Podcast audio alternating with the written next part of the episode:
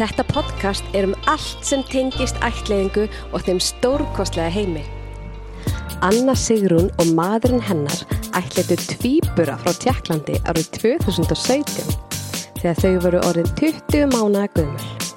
Hún segir frá ferðalæginu til Tjekklands, sjokkinu með síntalið um tvíbura og öðru sjokki með óvæntri óléttu nokkrum árum síðar. Hún talar um heilsufarsmissi vegna álags og hvernig heilsan hrundi eftir að hún hafi farið áfram á hnefanum og hunsað viðverunumerkin. Hún segir frá því hvernig hugrakka stelpa þeirra kom út sem trans og hvernig þau tókust á við það í sammenningu. Anna Sigrun og maðurinn hennar eiga núna þrjár yndislega stelpur sem er að blómstra og lifa lífinu á reyðafyrði. En hérna, ég ætla að bjóða þig hjartilega velkomna allarleið frá reyðafyrði. Takk fyrir. Oh my god, því litt ferðalag. Bara Eh, til þess að koma hinga til eh, mín. Reyndar ekki, en ok. Að taka smá credit. Já. Þú ert að flýja snjóflóðin og fara til Parísar. Já, ég er að fara, já, ég er að flýja. Nú er snjóflóða hættan að breytast í aurflóða hættu og ég bara, ég sagði bara, já, bless og fór. Já.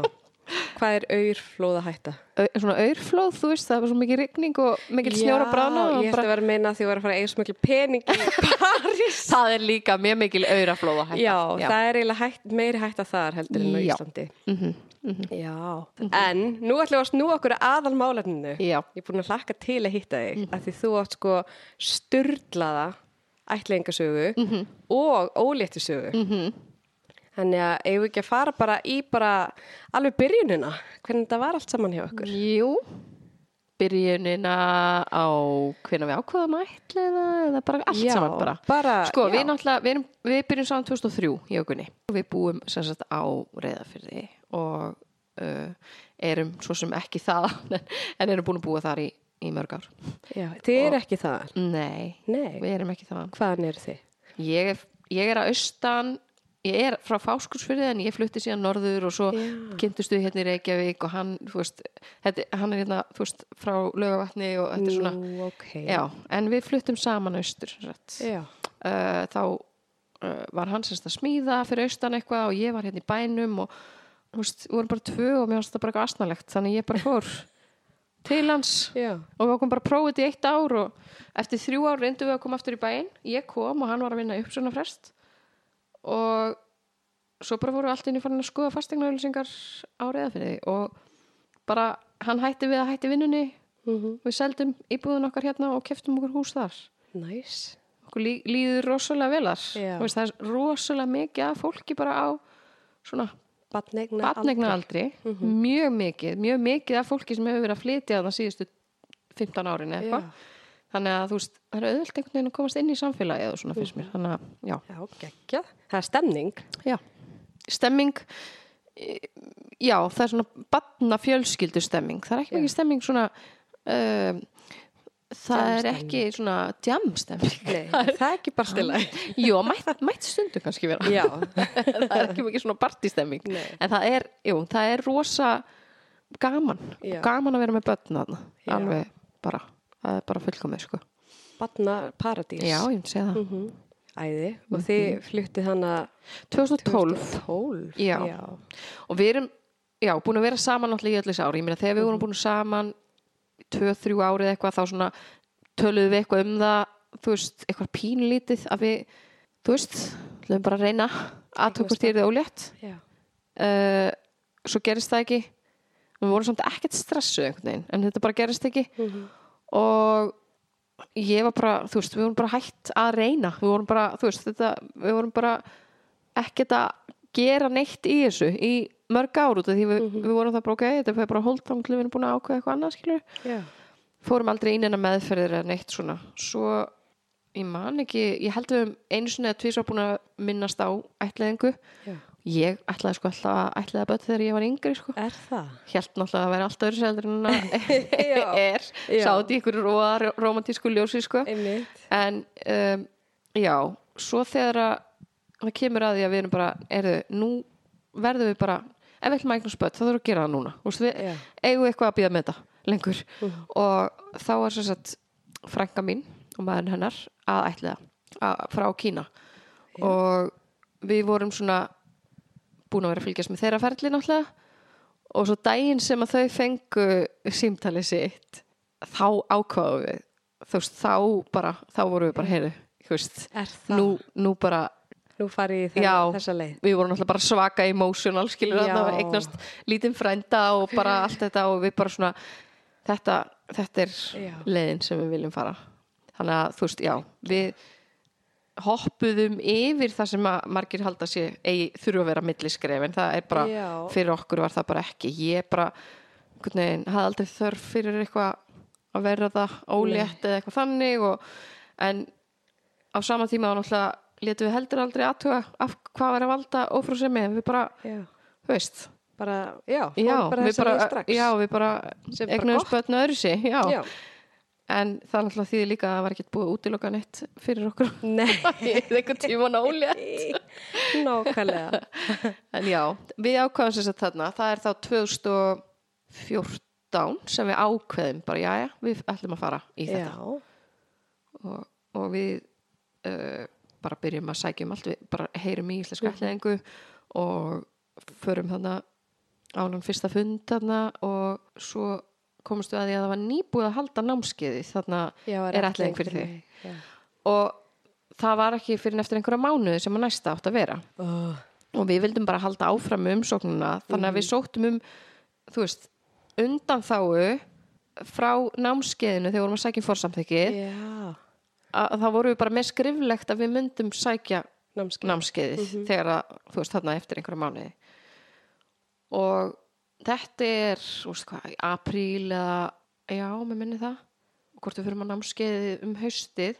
Og sko máli er, við fengum sem sagt, forsamþykki áður en við fórum á námskeiðið. Að því við vorum bara búin að fá samþykkt forsamþykki Með þessum með, skilyrðum. þessum, með þessari undanþáu að því það gekk svo hratt. Ok, nice.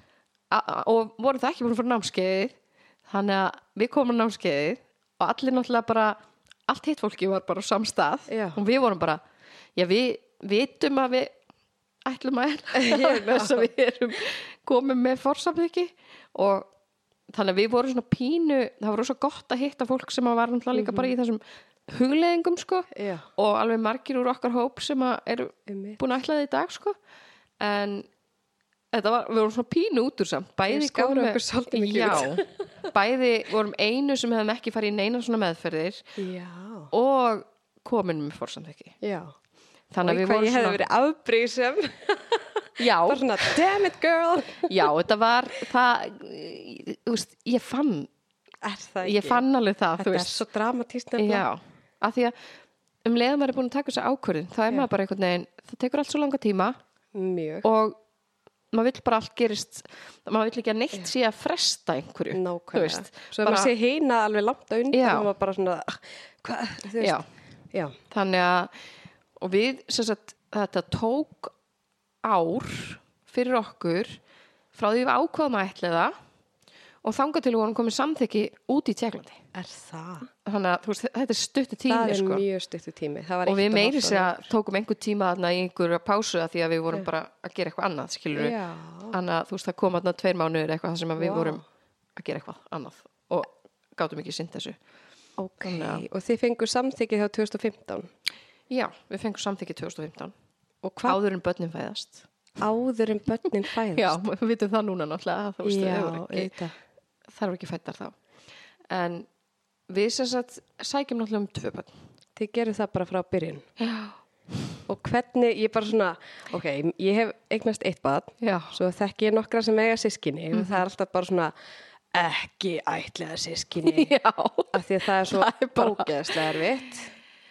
Ekki það maður vil ekki eiga tvö börn skilið, þetta er bara, bara snýst ekki um það. fáralega krefindi. og ég meina þetta er bara alveg eins og bara alltaf ef maður verður fóreldri það er ógeðslega erfitt. Þetta þýð, þýðir samt ekki að maður vilji gera eitthvað annað. nei. en það þýðir heldur ekki að mæli með þessu. Nei, þetta sko En maður minn var fyrstur sem að fyrsti sem að, hann var bara, heyrðu hérna Tjekkland, við vorum að lesa um löndin hann bara, þar er ekkert að ætla að sískinni og ég bara, Já, ég fæla svona panik. uh, já, akkurat. Mhm. ég var bara, Góð hugmynd. uh, hvað "N- ha, nei? Og hann bara, ég meina þá þurfum við ekki að gera þetta aftur og bara auðveldara. Og ég var bara, ekki auðveldara. Það er ekki. Og við vorum svona pínu að velja þú veist, bara viljum við Kína eða viljum við Tjekkland Já, og við vorum eiginlega komin á ef við myndum velja Tjekkland þá ætlum við að sækja um sískinni já, og svo bara fórum við að skoða allt miklu betur og bara eins og veist, mörg önnur hafa talað um það er bara þetta veist, ferli út í Tjekklandi er bara svona, þú veist, það er para saman og þessi aðlögun þegar maður kemur og allt þetta bara okkur líka vel við það. Nákvæmlega. Þannig að við ákváðum það og að sækja um tvö.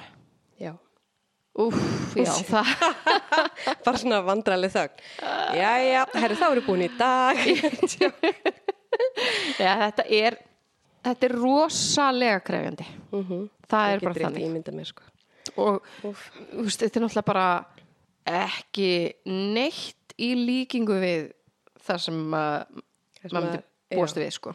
Var eitthvað, hérna, að því það er undirbúningur svona, er ætling fyrir mig er eitthvað sérstakur undirbúningur fyrir að eigna sískinni? nei, nei, nei, nei. Það var ekkert sér, eitthvað sér fundur eða, eitthvað fræðsla ekkert svo leist Er það eitthvað sem að væri kannski snið? það væri örgulega mjög snið það og það mætti eiginlega vera bara svona já, um, þetta snýst aðalega um að don't do it En ef þú ætlar samt að gera þá já, hérna þá þarftu undirbúning. Já, er það ekki? Jú, ég myndi segja það. Og það Mhm. er sko það, það, ég man það var ein sem að hafði ættið sískinni sem var bara einmitt bara sagði við frængu mínu bara ég bara, ég fæ bara svona hraðan hjarslátt að hugsa um að þau sé að sækja um þetta.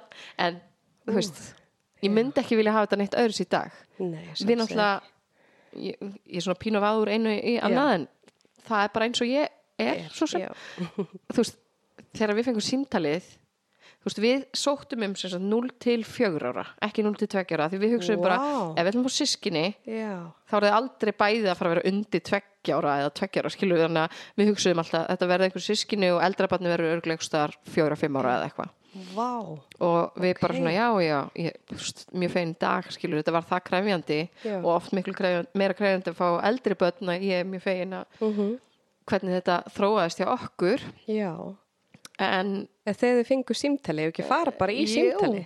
Jú, Ég er svo spennt oh, Oh my god, varst á reyðafyrði? já, við vorum bæði heima.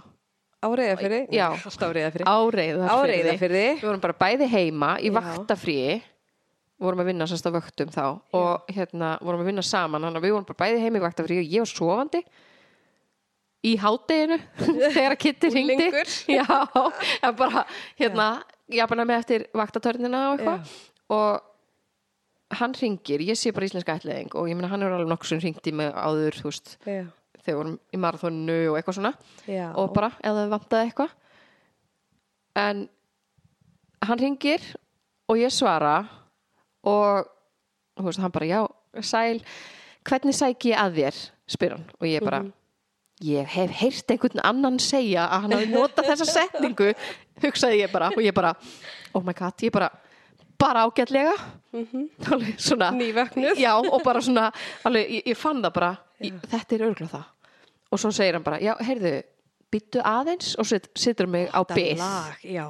Og þá var ég bara, ok, hann er að ringi Gunna núna, þetta er það. Og ég bara hljóp fram í eldús þar sem Gunni var og ég bara svaraði síman svaraði síman og hann bara símum minn er ekki að ringja af því það var ekki búið að tengjast. En ég bara, og ég bent og bent á klukkuna og hann bara hvað ertu að tala um? Ég veit það ekki.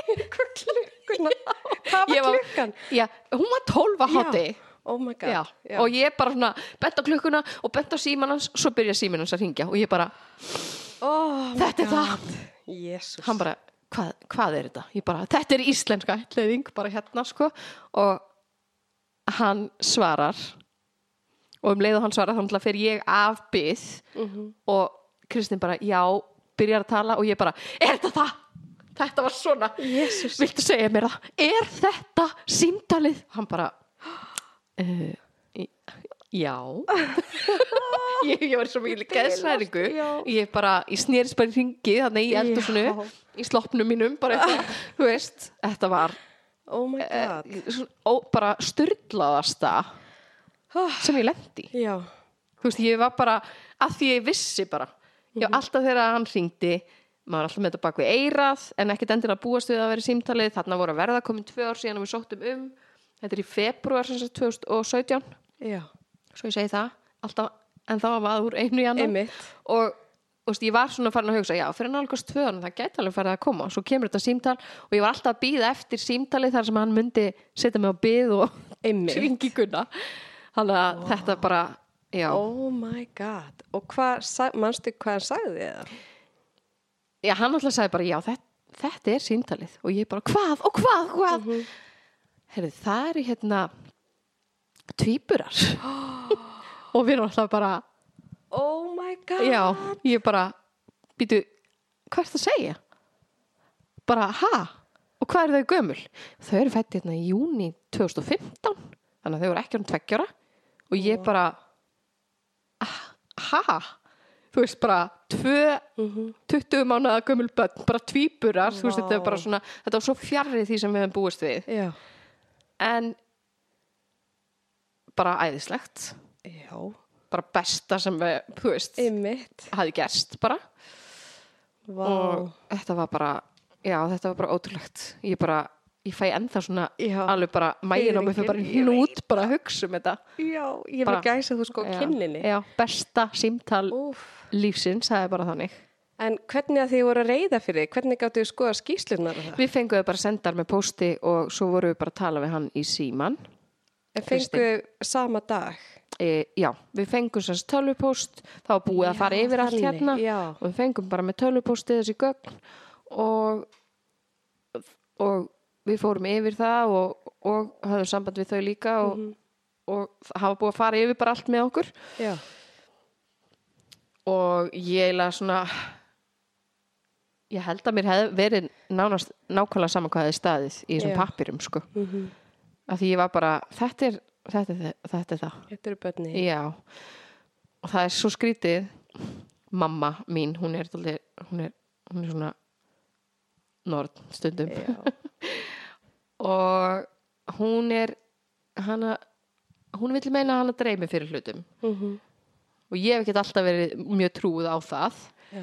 en hún var búin að segja við mig hana, í byggtímanum bara, það er svo skrítið. Mér, ég, mér líður, ég veit alveg að þið segið þið fáið eldri börn mér líður eins og þið fáið bara frekar ung börn. Og örgulega tvíbura.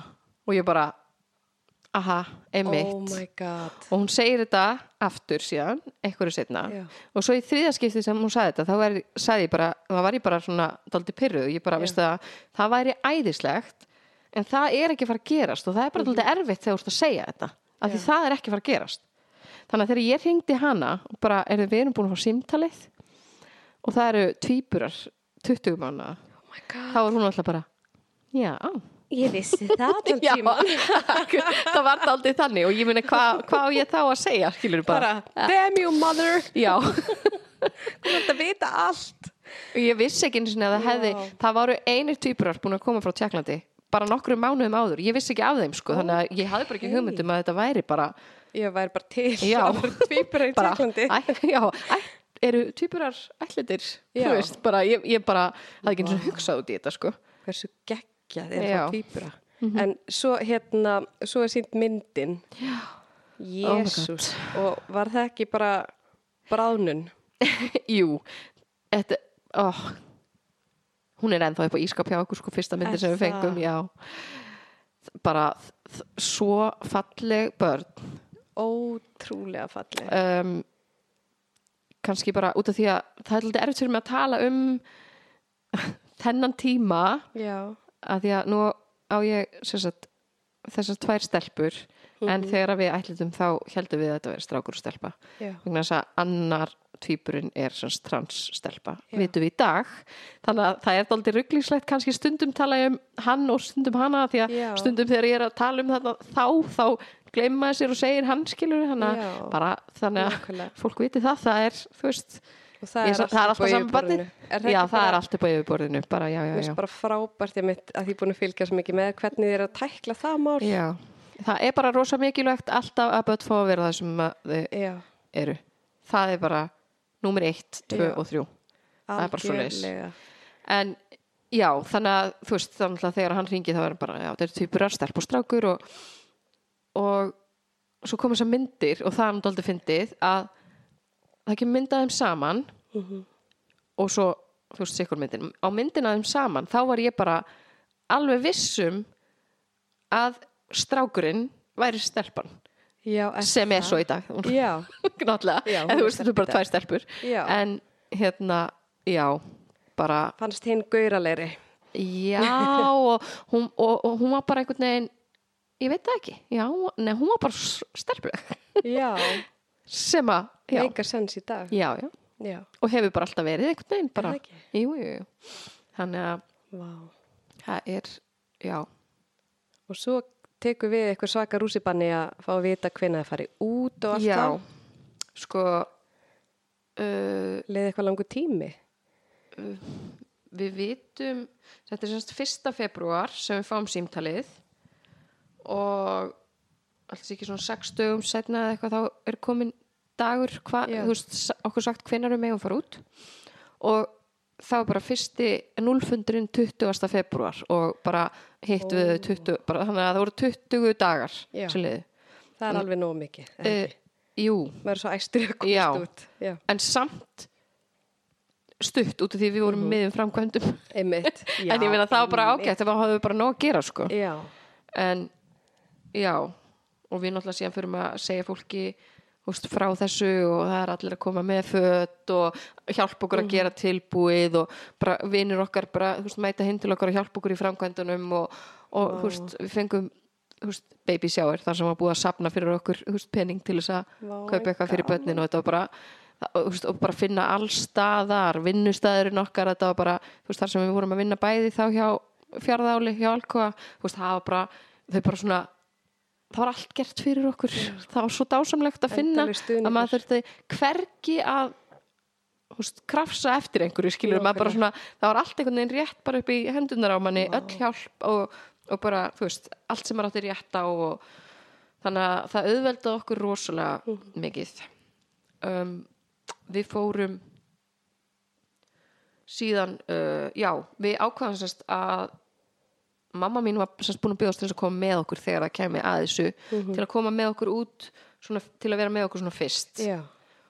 og við þáðum það og hún sérst kemur með okkur út og við fljúum hann út 19. og uh, förum, eða sérst fljúum til Bornó við fljúum sérst millilendum í ég man ekki hvar, einhvers staðar í Já. Þísklandi og fljúum þaðan beint til Bornó þannig að við þurftum Já. ekki og þá uh, er sem sagt núlfundurinn þar daginn eftir Mhm. og við erum hann á einhverju hóteli einhverju rosa fínu hóteli og öll með, hann var hótelið til langt frá miðbænum Já. og við vorum öll með náttúrulega stilta vekjaraklukkur og allt og svo bara hérna ofhittnaði síminn minn um nótuna og slögt á sér. Og ég, þú veist, það ringdi enga vekjarlökur hjá okkur eða neitt. Það ringdi hjá mömmu sem betur fyrir í hinu herbygginu hún held að við varum löngu vöknuð. Þannig að þegar hún ætlaði í rauninni alveg að fara að koma yfir og bara svona tjekka hvort við verum ekki að fara þá var ég bara að vakna og hlaupa út úr herbygginu til þess að tjekka. Ég veist ekki eins og hvað klukka var sko. Oh my god. þetta var bara. Shit, stressið. og þarna byrjaði bara rússibannin Já, það byrja bara um leið. það var bara þannig sko. almatur, ég hefði gersamlega styrlast. já, ég gerði það, vissulega Og hvað mætti ég á seint að finna? Nei, við náðum þessu sem betur fyrr en þetta var aldrei meira stress heldur en við ætluðum ég ætlaði líka bara að vakna tímanlega já, vera bara róli heiti. Já, af því ég er alltaf á síðustu stundu Já. þannig að ég var bara ok just, að væri gott að vera ekki á síðustu stundu núna en var það Hettnæst vel. Já, en svo Guð. við hana hérna uh, Mörtu. já, Mörtu, túlkin sem er náttúrulega dásamleg og förum með henni á skrifstofuna sem við förum á fundin og fáum allar þessar upplýsingar Mhm. og það sem maður fær á þessum fundi upplýsingar um börnin og, og bara þú veist, bakgrunn og allt þetta sem að já, Já. Eitthvað, eitthvað um það, þú veist fengur Mhm. náttúrulega meiri upplýsingar svo setna um, um bakgrunn og svona Já. Og svo bara eftir fundin þá förum við bara strax á stað í bæinn þar sem að það, þau voru sem sagt á barnaheimili. Og það er örugglega fullt af fólki sem þekkir hann að bæ en þetta er Karlovi Vari þetta er sem sagt rosa mikill ferðamannabær. Já. hann er svona einn og halvan, kannski tvo tíma frá Prag. Og þetta er alveg bara mikill túristabær. Þannig að það er ótrúlega skrítið sko. Hvað heitir barnaheimilið? Mástu það? nei, manna ekki Nei, þetta er ekki most. nei, þetta er ekki þar sem sagt Það er eina sem bara- ég man, ég man ekki svo ekki hvað mitt barnaheimil heitir. nei, nei, nei, nei. Bara bærin. og þetta er líka bara mér varst bara aldrei skrítið náttúrulega, þú veist, að þetta er þarna ferðamannabær Já. og svo bara, þú veist, lappa upp þrjár brekkur og þá er það bara barnaheimili Einmitt. bara svona kannski að því að þetta er svo, þú veist, fjarrri okkar raunveruleika og svona en, en já, við semst förum þangað, tökum hérna rútu minni mig mér svo lest eða rútu eða bæði eitthvað með, með mörtu hálfa leið og svo að því hún fótt í Prag og svo já, kemur hún bara og hittir okkur daginn eftir áður en við förum að hitta börnin í fyrst skipti.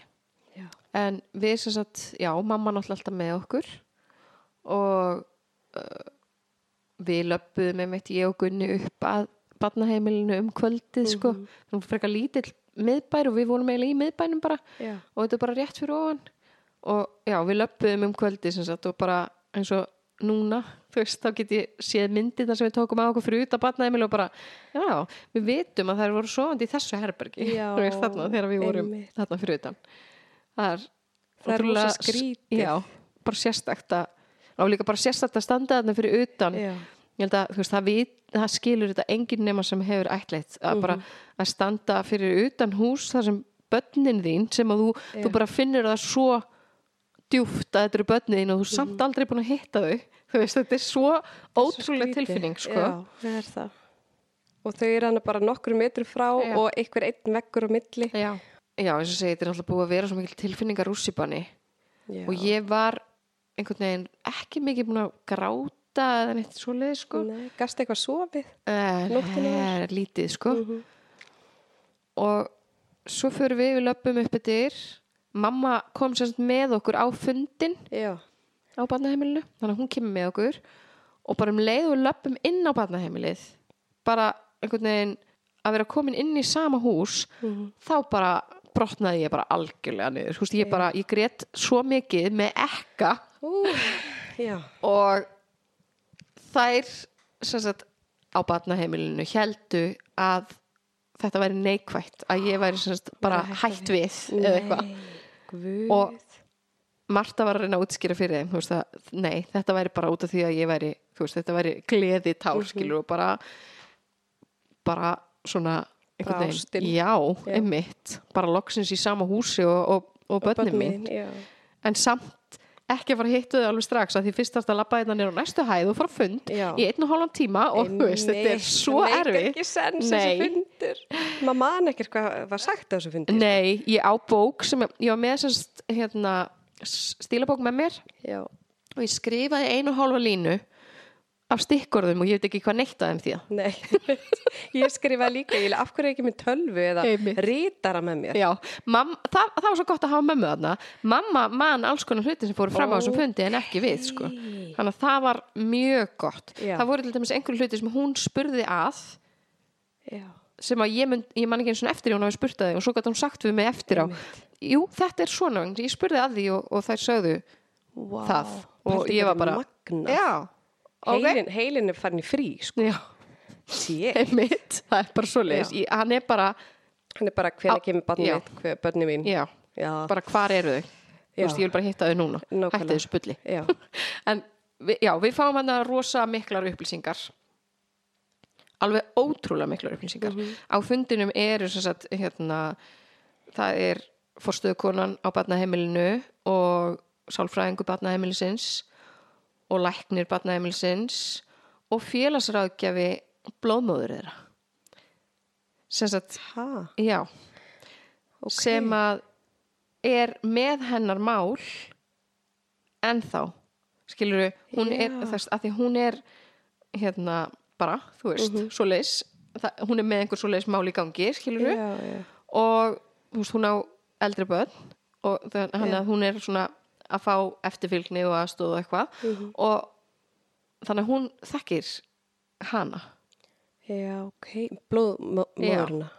Bumbumömmu Já, bumbukonuna. Bumbumamma heitir hún Við sem alltaf bumbukona. Já, Eh, um, Bumbumamman, já. já þannig að hún var með rosa mik miklar upplýsingar náttúrulega Sem eru dýrmættar upplýsingar. alveg til dæmis er hérna, sko hún laði sig mikið, kannski ekki að segja of mikið um Nei. bakgrunnin hennar en, en hún laði sig mikið fram við að allt myndi ganga sem best og hraðast fyrir sig, fyrir börnin. Já, þegar og það er mjög bara skýrar ástæði fyrir því að hún gæti ekki verið með þau. Þannig að þú veist það er til dæmis ekki skráður faðir. Já, en við fengum samt nafnið á föðurnum en hann er bara ekki skráður á pappira því það hefði verið miklu lengra ferlið út í Tjekklandi þá hefði náttúrulega þurft að Já, leita verið einhverjum eldri. ættingum hans og eitthvað svona til að til aðtöku hvort einhver vildi taka þau. Þannig að hún gerði allt sem hún gat til þess að flýta fyrir ferlinu. Vel gert. og þú veist, hafði samband og veist, vist og spurði hvort Já. það væri eitthvað sem hún gæti gert frekar og þótti greinilega bara rosalega væntum börni sín, þú veist, og bara oh, ég hugsa svo oft til hennar sko, að því, það, að því að það er ekkert alltaf það sem er bakgrunnurinn er þannig að það hefur verið einhver svona tenging sko, Nei, en það, augljóslega þá var það Mm mikil bara ást þarna, sem er, gerir miklu öðaldara fyrir okkur að þegar við erum að segja þeim Nákvæmlega. þær spurja mikið, sérstaklega önnur þeirra spyr mikið og, og það er gott að geta vita, þú spyrir, við bara vitum Mhm. allt sem hún gerði, það bara sýnir Já, maður er Að- ekkert að skálda það nýtt. nei, að hún bara elskaði þær mjög mikið. Já, þannig að og það, mér finnst það þú veist, mér finnst það rosa gott að vita. Já, og já, þannig að þú veist, þessi kona er hérna og er með mikið af upplýsingum og, og, og sem að þú veist, ég er með alls konar pappýra núna sem að þú veist, ég, langt síðan ég fór í gegnum það en það stendur alls konar á þeim sem að ég mun örgulega næst þegar ég les þá aftur verða að hissa þegar ég les eitthvað þetta er, þetta er bara bara, já, Já. er það? Já. Ó, já, ég komst að því til dæmis einhvern tíðan í daginn þá fór ég að fletti einhverjum pappýrum og þá var ég bara, já, býtu símanúmer afa þeirra ok, í? Tjekklandi sem er samt örgulega ekki á lífi lengur en Nei, hann sérst í, ok. í það var í pappýrónum Vá, já, þetta er svona.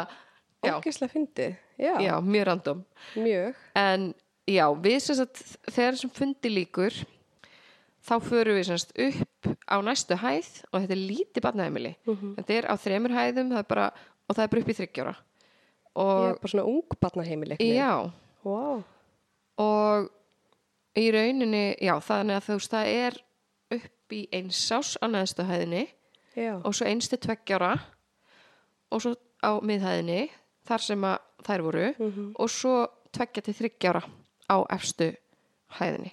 Þannig að þær eru þarna já eins og í 20 mánu og alveg að fara að flytja efstu þannig að veist þær væru nýbúnar í einhverju svona róti Mhm. ef að við hefum ekki verið að koma þarna ég er Já. mjög fegin að þær voru ekki nýbúnar að flytja á nýjan stað þó það sé bara næsta hæð fyrir Já. ofan af því þau fara ekkert á milli hæða sko Nei, og mitt. þannig að þú veist þau voru ekki nýbúin að flytja þegar við komum Mhm. þú veist Já, sem var alveg mikið sjokk.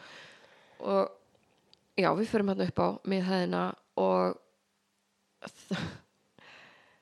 þau eru bara inn í herbyggi þarna, með öðrum börnum eða? nei Nei, það voru fjögur börn á hæðinni hjá þeim með þeim, bara á allri hæðinni. já, Voru bara fjögur. já þannig að það voru bara fjögur þetta er bara fjögur að barna deilt þarna frá ókei. einstu tveggjára þannig að þetta Það er er bara eitthvað mjög luxus. já, ég held að vera 30 börn allt í allt á öllu heimilinu Já.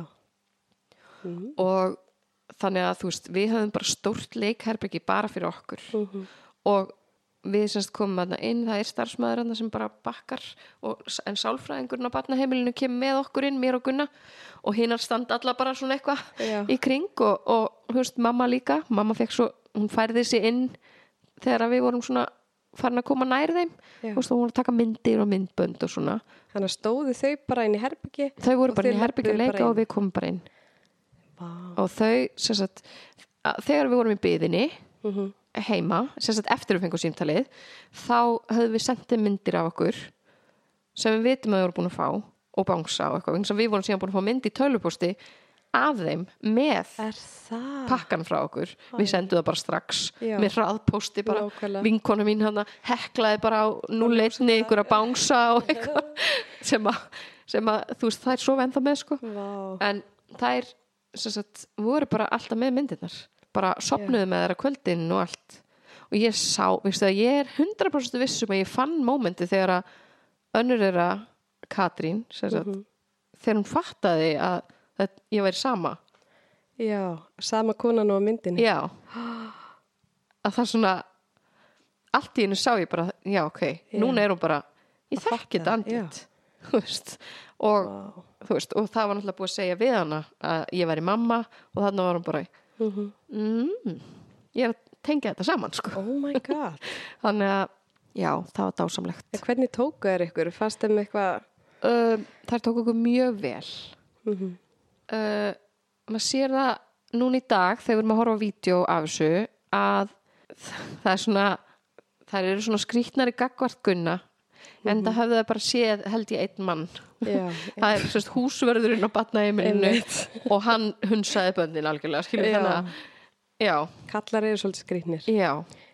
en það þýðir líka að þú veist, konur eru líka venjulegri fyrir þeim. Þannig að þetta var svona, þú veist að þessi kall væri líka þannig fyrir þær. Ég held að það hafi líka samt verið aldrei svona ok, þá skulum við nú haldi hann og því að til Já. nóga konum líka. Já, já, já. að þær, þær voru alveg bara hændust mjög mikið að okkur báðum eiginlega strax og veist, skiptu.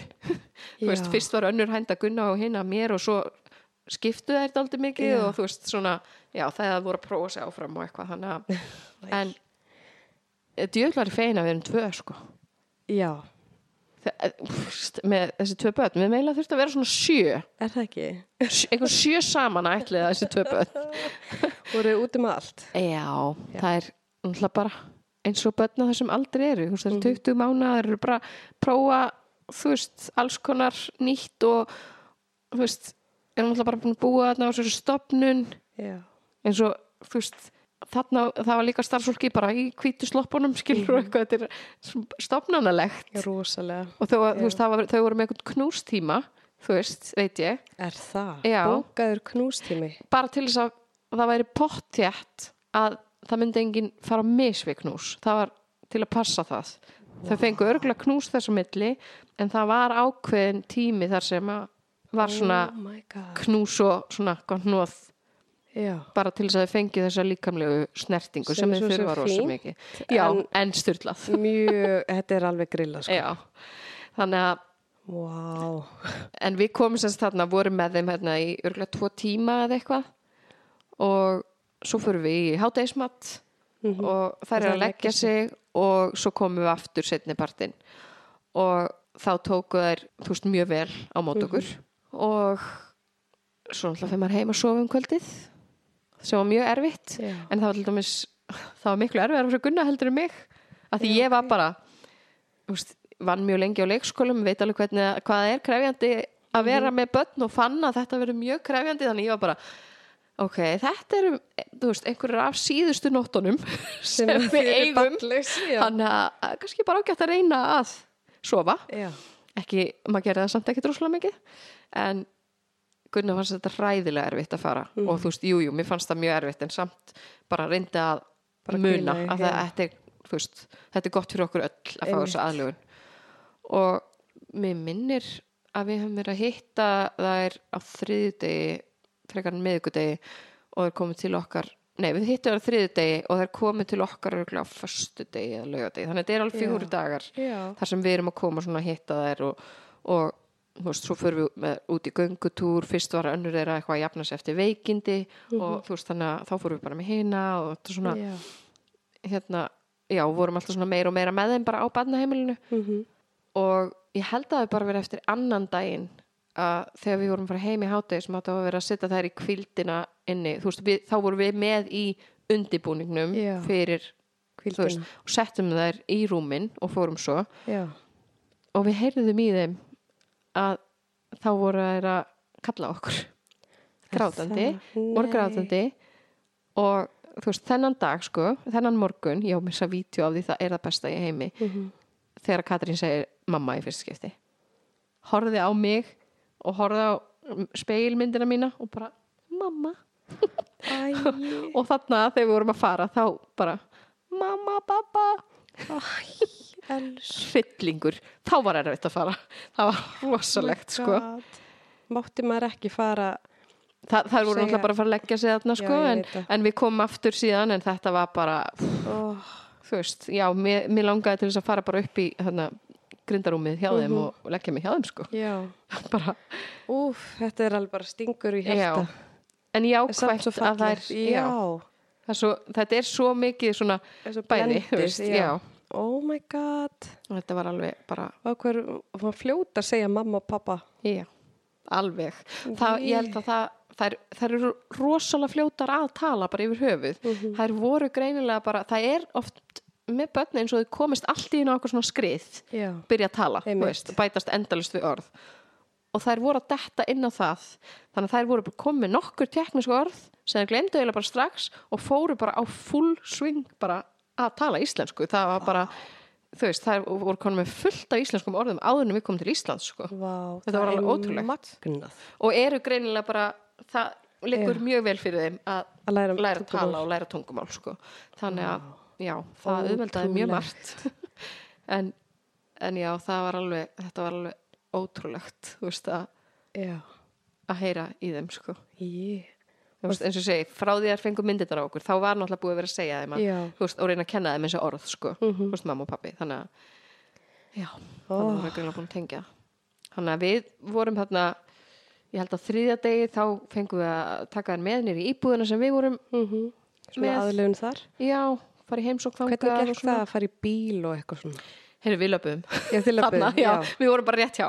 Já, þannig að við löpum um, og það var bara alltaf uh, við fórum semst ekki bíl fyrir en við fórum frá Karlo við var í mm, þannig að því það var allt svo stutt að já við vorum bara pínu, pínu já, og við bara, já það komið þannig heimsókn með okkur og svo fórum við með þar aftur á Bjarnaðemili, þeim fannst það líka mjög erfitt. Já, þá fannst þeim, það þá vildu þær ekki verða eftir. Nei, og þá var bara grátið. Já, og þá vorum við líka bara öll tilbúin, bara á Já. morgun. Þetta, við viljum ekki býða lengur skilur Og var tekið til í til þess Já, og það var, það var svona búið að tala um við sjáum til þennan Já, dag. já. en þá var bara ákveðið að við fengjum að taka þér heim þarna þennan dag. Eða næsta dag sem sagt. Var það þá bara að þið mættuð um morguninn og sóttu þér í rauninni. Já, ég tók mynda okkur einmitt með kerruna fyrir utan barnaðemilið með engum börnum í og svo aftur með tveimur börnum í ok, búin að sækja Hjælt að þetta eruðu myndir sem ég myndi setja inn í ramma eitthvað svona tákgrænt svo var ég náttúrulega bara búin að gleyma þeim því það er náttúrulega miljón aðrar Já, myndir sem margar. að skipta miklu meira máli einhvern veginn Já, en, já, við fórum í rauninni bara og, þú veist fengum alls konar pappíra og Mhm. Disk með veist, fullt af myndum frá barnaheimilinu Já, ok. sem við fórum bara beint og letum framkalla og eigum í albúmi handa þeim já, og þú veist og kvöttum svo bara barnaheimilið. Og svo vorum við held ég fjóra daga eða eitthvað í viðbót, þrjá daga í viðbót vorum við þarna í Karlo á við var í já. Já, og þá komu þær í heimsókn frá mm barnaðimilinu til þess að tjekka hvernig staðan væri. Og þær vildi ekki sjá þær sko. Ég fann bara, börnin bara strax fóru bara í einhvern svona mm, nei, inn í sig. Já. Bara við erum ekki að fara með þeim aftur. Og það er ekki neitt vegna þess að það er ekki þú veist, haft gott svona allæti, fengið gott svona allæti Mhm. á barnaheimilinu. En þeir eru náttúrulega bara börn og þau voru búin eignast fóreldrar sem eru, það, það er allt annað mál það er sem eru að knúsa og hugga og allt þetta. Það, þú veist, það er fundið þetta bara strax. Mhm. Já, þannig að já, þær sáu það líka þær Já. voru bara, það er rosalega margt jákvætt Mhm. sem við sjáum hérna, þú veist, að, að þær eru að tengjast ykkur sko. og uh, Hvernig fannst þér svona fyrsta nóttin þegar þær voru komnar til ykkar? Hvernig Sko, gekk það? við Ég náttúrulega vissum ekkert hvernig við ættum að hafa þetta þannig að við vorum með tvö rúm og ætluðum bara ok, þannig að þær gætu farið í rúmin þær voru í svona svefnpokum eða Pokum. svona, já, veist, og sem þær fengu fór barnaheimilinu lá, í láni Mhm. til þess að leifa þeim bara og við áttum svo bara að senda þá þegar þeir myndu setja sig við að hætta að nota þau. Og þú veist, þau voru því voru með myndirnar á okkur bara vildu sofa með þær og, og svona fengu þarna bánsa, áttu sikkert bánsan sem að þú veist, hefði átt líka á barnaheimilinu tóku þá með sér og þær sopna Í sikkur rúminu. já, Já. Svo vaknar önnur þeirra. Ég næði svæfan aftur. Þá er sérst Katrín. Svo vaknar Ronja. Og ég vissi það ekki út af því hún grét ekki. Já. af því það er náttúrulega bara voru náttúrulega bara vanar því. Á nóttunni þá sefuru það kemur engin, Kemur engið þú grátir. nei. Ekki þú veist að gráta, bara gráta. Kannski að þau myndu vita eitthvað þeir komið upp á skiluru, eitthvað væri að. Já. en þú veist bara vennileg grátur, nei. Þannig að hún lá bara í rúminu. Grét. Hljóðlust bara þegar ég kom inn og ég sá bara hún var að gráta.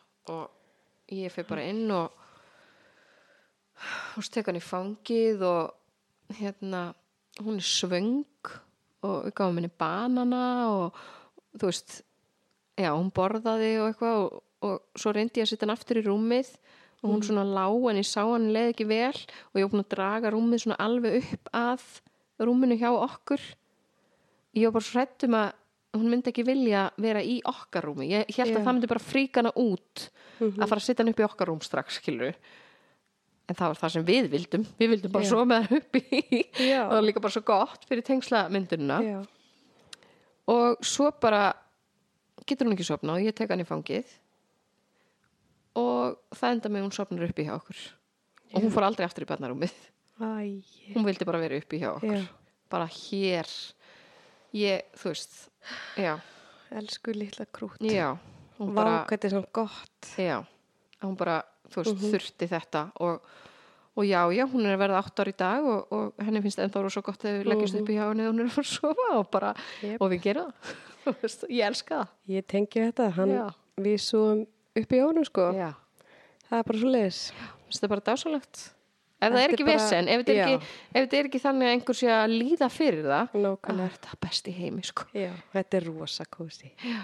en Þau Katrín var, hún var miklu lengur að þessu, að vilja sofa upp í hjá okkur En er Katrín þessi sem að hún svaf einn fyrst, fyrstu nóttin allavega, Já. en vildi hún ekkert vera uppi hjá okkur svo? Nei, sko þetta var þannig að við sem sagt síðan þegar við erum búin að fá lefi til þess að fara frá Karlói var í, þá förum við til Bornó og erum þar næstu fimm vikunar og það tók svona tvær vikur fyrir hana veist, hún vildi bara fara beint í sitt rúm þegar þær voru að fara að sofa Já. og meðan Ronja, þegar við vorum að fara inn í rúm þá fór Katrín sitt rúm og Ronja laðist hjá okkur Já. svo var Katrín farin að vilja vera uppi hjá okkur en þegar hún var alveg að sopna þá vildi hún alltaf fara í rúmið sitt Já, ok. og svo, já, eftir svona tvær vikur þá var í fyrst skipti sem að hún Bara sopnaði. já, bara sopnaði hjá okkur og svo af bara uppi hjá Mhm. okkur eftir það hún var samt einhvern veginn átti alltaf auðveldar með að vera ekki alveg ofan í okkur, Ronja þurfti dálítið mikið að vita af okkur alla Mhm. Já. nóttina Katrín þurfti svona snertingu á meðan hún var að sopna en Ronja var svona dálítið alltaf að tjekka Já, alltaf tjekka okkur sko. já, þannig En merkilegt. já, það er ótrúlega, ótrúlega magna að sjá Já. hvernig munurinn var bara, ok, hver er, er það óurugur og þú veist hver er, er að tengjast meira að minna og svona, svo maður bara skiptir engum máli þetta er bara allt á mismunandi hátt skilur, þetta er bara tveir einstaklingar sem að, veist Já, óryggið er öðruvísi að þessari og þessari. Já. og uh, Katrín náttúrulega Katrín er um, mjög smá, miklu minni heldur en Ronja og stelpa þarna, þú veist, og, þú veist og þau held að Ronja sé strákur og hún fekk allt öðruvísi allæti á, á barnæmilinu. Ronja. Nei, Katrín. Katrín. Nú, hvernig Það voru þarna þrýr strákar og einn stelpa á dildinni, Ok. Katrín og þú veist, ég menn eins og þau fyrir á fyrsta fundin þá var það bara svona talað um Ronju og það er svona daldið, þú veist, læti í henni og hún er bara, þú veist, eða hann svo þau náttúrulega og svo fóru þau að tala um Katrínu og voru líka alltaf að tala um Katrínu svona aðeins á meðan þau voru að segja okkur frá Ronju og svo fóru að tala um Katrínu og svo er það hún Katrín elsku prinsessan okkar bara hérna Oh my god. Hún var uppáhaldi bara. Já, og við sáum þetta aldrei mikið Já. að henni þótti mjög erfitt að vera að fá jæmt og Ronja. Oh að því hún hafði alltaf fengið Alltaf meira, meiri svona hlýju þannig að hún þurfti Já. svona að venjast í að, Að deila þessu svona. já, Vá. já. Þannig að þú veist, að, ótrúlegt að vá manni finnst það svo steikt að því maður myndi ekki gera þetta. Nei, þú veist að mismuna svona börnum. akkurat. En við heyrðum þetta, við erum ekki svo búin að hitta börnin þá vorum við bara, ah, við vitum að það hefur verið komið ólíkt fram bara út af því að við heyrum hvernig þau tala um börnin. Já, pældi því en það var náttúrulega mjög margt bara mjög skrítið sem er sagt við manna á þessum fundi veist, eins og náttúrulega bara því þau koma af þessum veist, ættum það sem eru mjög miklu, sem eru mjög miklu kynþátt og fordómar fyrir Já. að það bara, veist já, þau verður ekkit þau verður örgulega þú veist, illa gefin og alls konar svona hlutir og maður bara eins og Marta túlkurinn okkar, hún var bara ég vill eiginlega ekki túlka þetta en ég þarf að gera það en þær eru svo sem búin að afsana það. Og öll þessi börn, pældi, bara mér finnst þetta svo magnað Já. hvað þetta er ógeðslega grafið þessi fordómar sko. þetta er, veist, þetta er bara þetta eru bara nákvæmlega það, þetta er bara rasismi. Þetta, er bara, veist, rasismi út í gegn. Og Já. þetta er alið upp í fólki þannig veist, það er bara alið þannig upp að ef þú fæðist róma eða eitthvað þá er þetta bara hiski já, og þú ert það alið upp í þessi börn já vinna bara, með þeim hvernig eiga þau að komast út úr hvernig eiga Já. að komast út úr veist, því lífi Já, veist, ég að bara skil ekki hvernig þetta Nei. horfa mannesku með eitthvað húðlit. Einmitt. og það segir bara fyrir hvernig manneski þetta er skilur, bara já, já, hún er svona litin já, æ, sorry. Er svo hún á ekki séns þessi. Já, ég bara, þetta er alveg bilað. Það er það. Og veist, ég, mér langar til þess að vita meira í rauninni um Róma, já, svona, maður er eitthvað að lesa sér til en veist, að því að það er svo margt líka fallegt í, í þessum bakgrunni og ég vil að þær viti allt þetta jákvæða og Já. allt, það er svo mikið sem að já, það er bara svo mikið svona menning og eitthvað svona alls konar sem að væri gott fyrir þau þú veist, sem er jákvætt bara. Já, nákvæmlega þannig að, en ef þú googlar þá myndur þú bara sjá þetta neikvæða sem annað fólk er að segja. Þannig að, einmitt. Já, það er sérmyrandi já, tjók einmitt. Vá. En hérna, já, og þá erum við búin að, þá eru þarna komið til Brno. Já, og voru þar í fimm vikur. Já. og þið voru fínni íbúð og svona? já, við vorum ekki í stúdíu í búð Nei. ok, bara tjekka. við vorum bara í mjög fínni í búð og þú veist það var eitt Sveppenbergi og Já. sem var og þú veist og konan sem að við legðum af bara á Airbnb þú veist hún var búin að setja þetta inn tvö barnaróm, hún vissi að við værum ætliða og bara, Já, ok. þú veist og, og bara búin að setja dót Já, þú veist, næs. einhvers- einhver leikving og eitthvað þannig Mhm. og íbúðin er sem sagt bara á fyrstu hæð og beint fyrir utan er svona smábarnaróló Ok, geggja. þannig er bara svona sandkassi lítil, þú veist, litlar hérna, lítið svona vegasalt eitthvað og litlar rólur eitthvað svona allt svona lítið fyrir, Mhm. Fyrir þessi þú svona einstið þryggjara börn, skilur við Hversu geggja. og afgirt Já, ok, þú veist, en þannig að- geggja. já, þannig að við vorum mjög mikið þar Mhm. alveg bara rosalega mikið og í þessu Já. hverfi var mjög mikið af þessum leikvöllum svona Já. litlum leikvöllum sem voru eiginlega fyrir allan aldur Mhm. svona alveg líka neyri svona lítil þannig að við vorum svona að lappa milli líka og prófa, prófa fleiri Ok. en veist, þetta var ótrúlega næs Já. staður En hvernig fannst þið ganga svona tengslamyndunin og, og bara þessi tími aðna andlega? uh, tengslamyndunum gekk bara svona þokkalega á okkar, þú veist, hálfu Já. bara, þú veist, vel, skilur við. En náttúrulega bara svona eðlilega held ég bara með við allt hjá Mhm. börnunum, sko. En þú veist, mér fannst, ég fann alveg að þær voru að tengjast Já. okkur vel. Þú veist, maður fann alveg, það var rosa snemma þar sem maður voru að gera greinamun á okkur og öðrum. Og mér fannst í rauninni mjög jákvætt að vera úti Mhm. svona lengi, þar sem enginn er að aðlega. tengslamyndinuna hjá okkur en þarna er mamma farin heim sko. þegar við förum til Brunó þá er mamma, heim. Ok. og eftir hræðilegust bílferð lífsmíns held ég. Nú, við sérst pöntum að það stóran svona bíl með bílstjóra Já. til að keira okkur til einmitt. og sko þar var örgulega aldrei farið í bíl.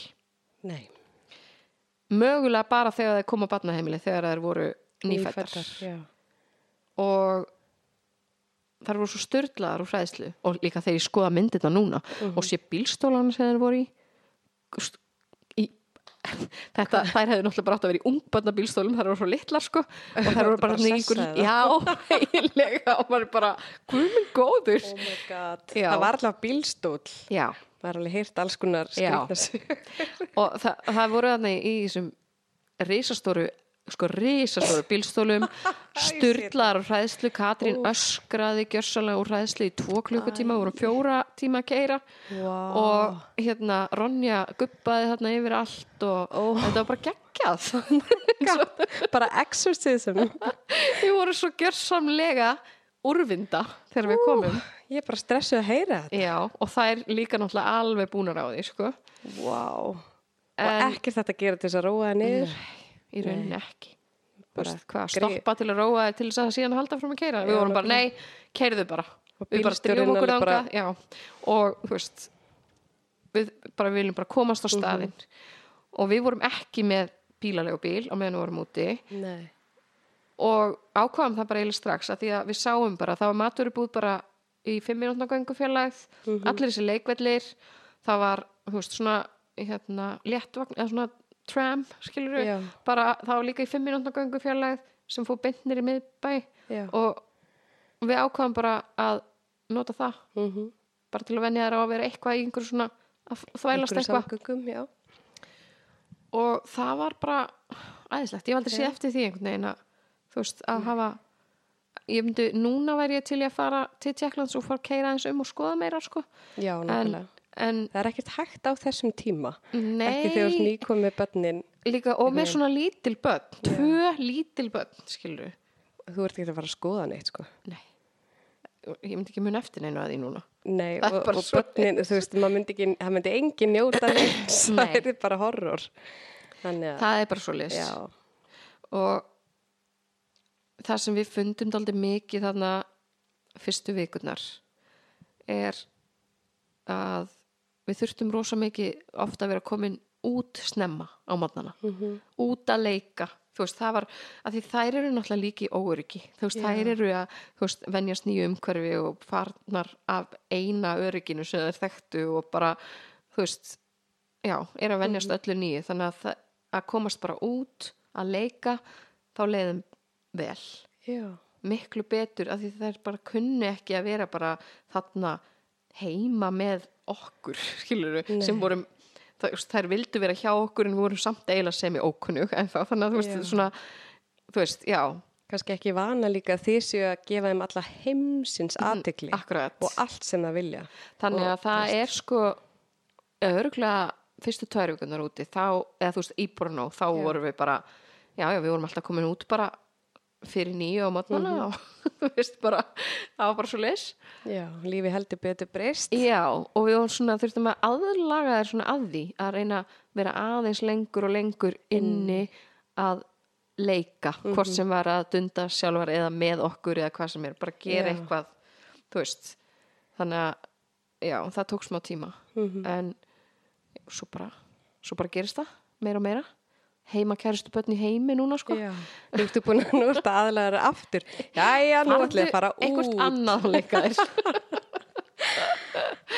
Þú er búin að þér of vel. Þannig. Já, þannig að það er alltaf allir vinir líka heima á mér Já, en það er indislegt. en já, þetta, þú veist, gekk annars bara ótrúlega vel en þetta var styrlað erfitt Já, þetta var bara erfiðasti tími í heimi mm basically, já, þú veist, ég bara þú veist, að það er svo margar tilfinningar í gangi og við erum búin að vera að býða og svo gerist þetta og svo er þetta bara ógeðslega erfitt og við erum bara, þú veist einhvern veginn, maður er bara einhvern veginn í einhvern svona já, maður er bara í rússibana Já. alla daga og það er rosalega orkumiklar alveg rosalega. Það er öskruð rosalega mikið alveg bara svakalega mikið líka bara í leik, ekkit gráta heldur bara svona öskruðu mjög mikið. Já. það mikið að þegar við komum lóksins úr fæðingarálogi þá fór Gunni í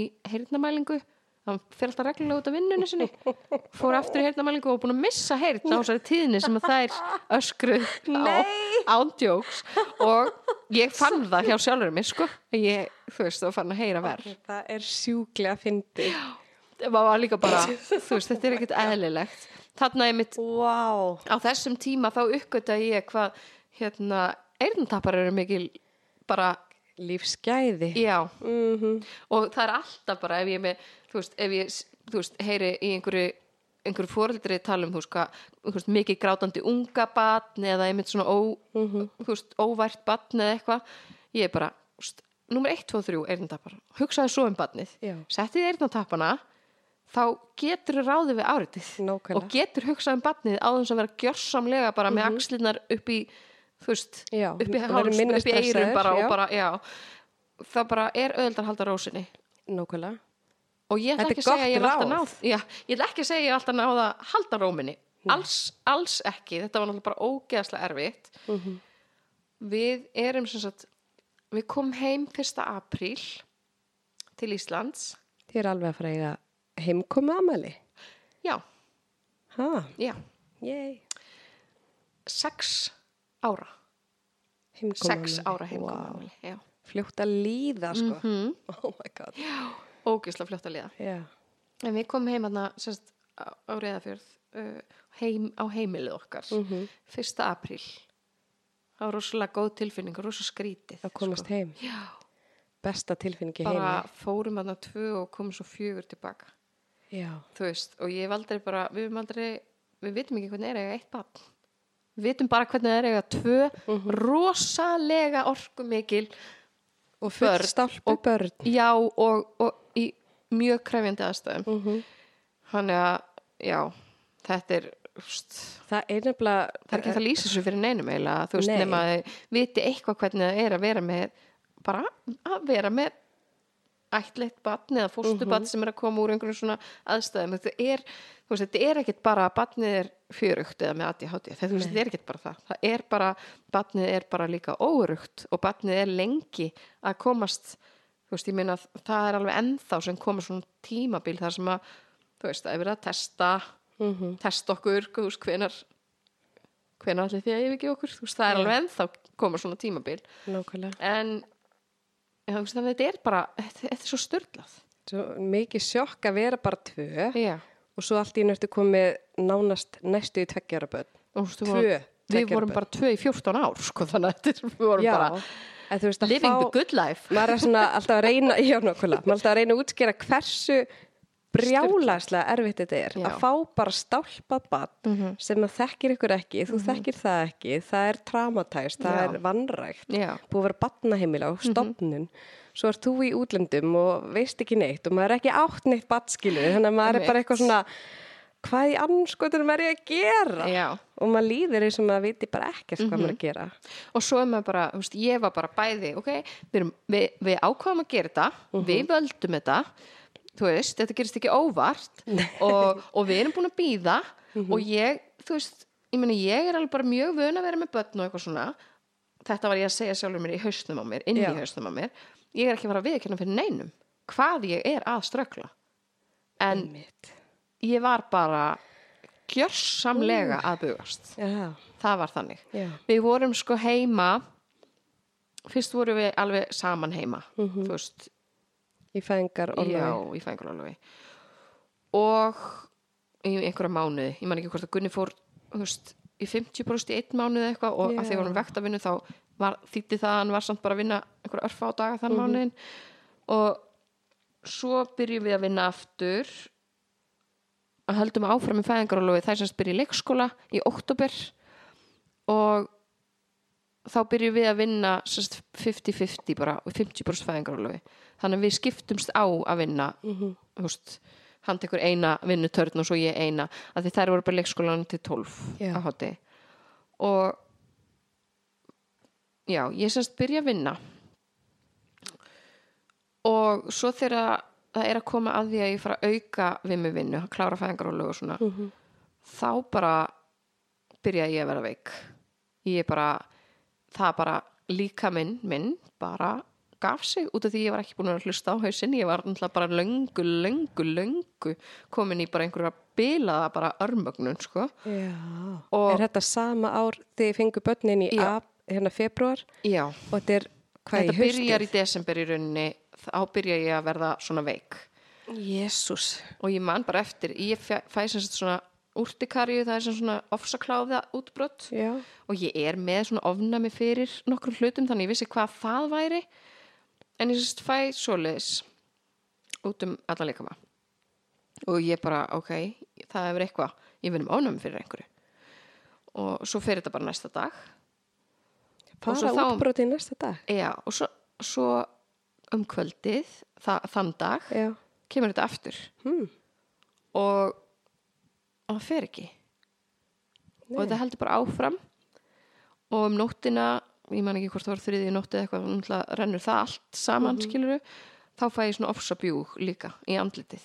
Og ég var bara, þú veist, ég bara, var bara eins og Bara afmynduð. ég, algjör- algjörlega. Vá. það er eiginlega bara eins og brandari að skoða myndir frá Jesús. þessum tíma. Og ég er náttúrulega, þú veist, ég var lögð inn til þess að gefa mér, þú veist, lif í æð til þess að reyna að ná þessu niður og það gekk eiginlega ekki.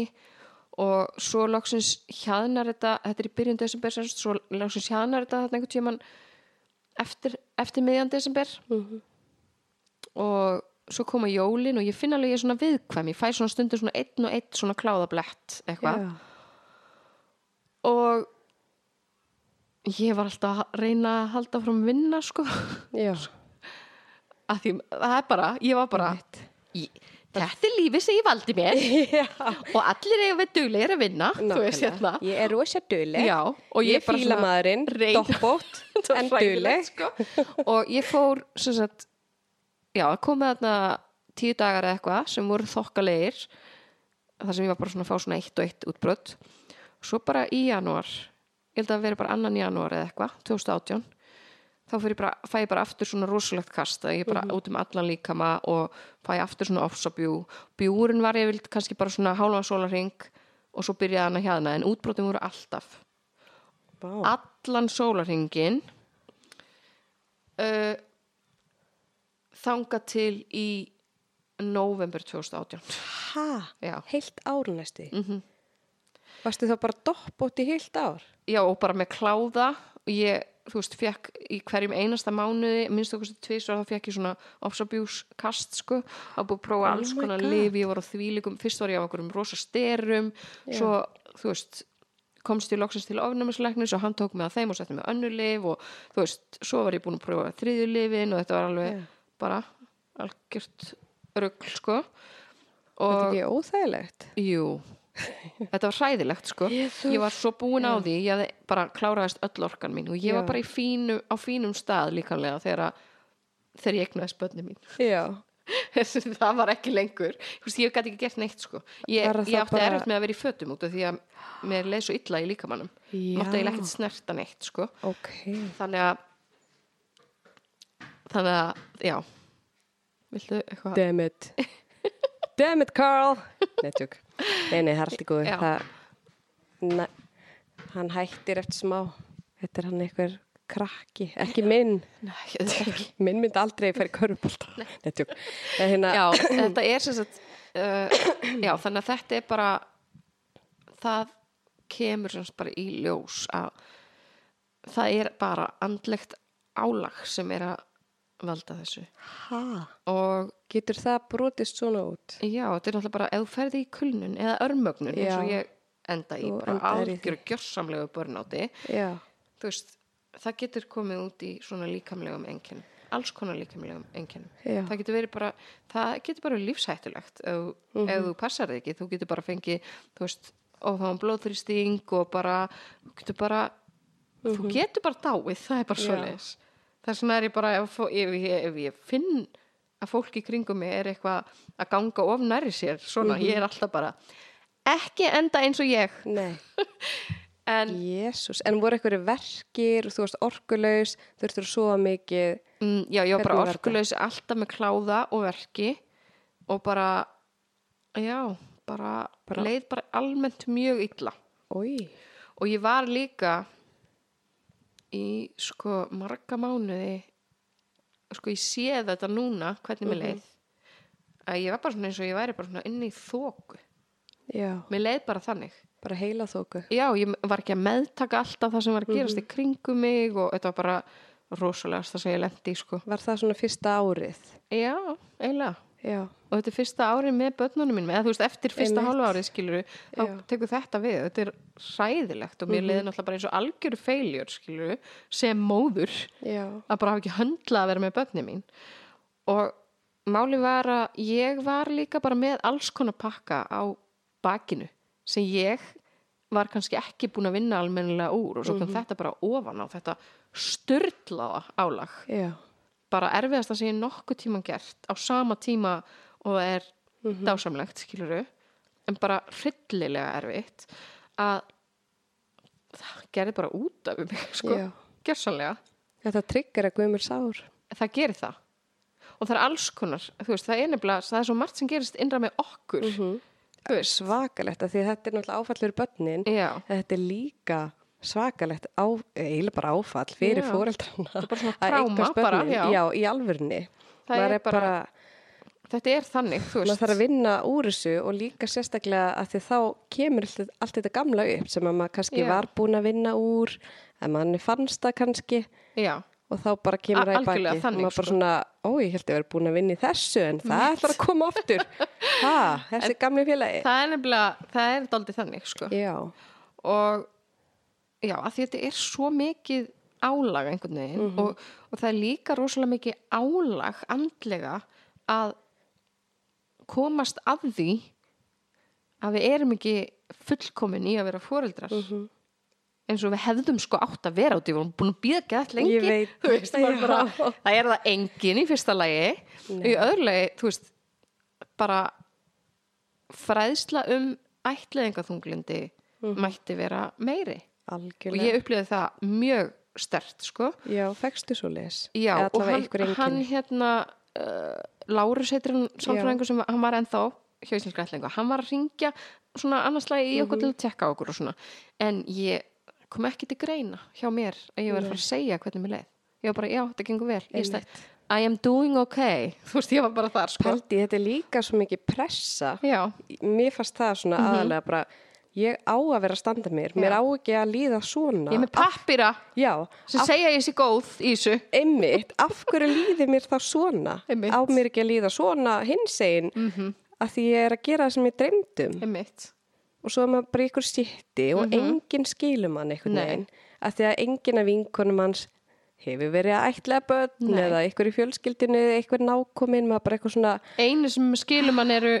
eru hinar tjekklandsmömmunar já, það var ekki komið þegar Nei. ég var ætla ég, ég bjóð til þú ert hópin okkar mömmuhóp þar sem að Mömmu- Facebook-hóp mömmuna hópur mömmu, fyrir tékknesk- hvað ég segja, Facebook-hóp mömmana. Blefla, Já, það, við erum að drekka sko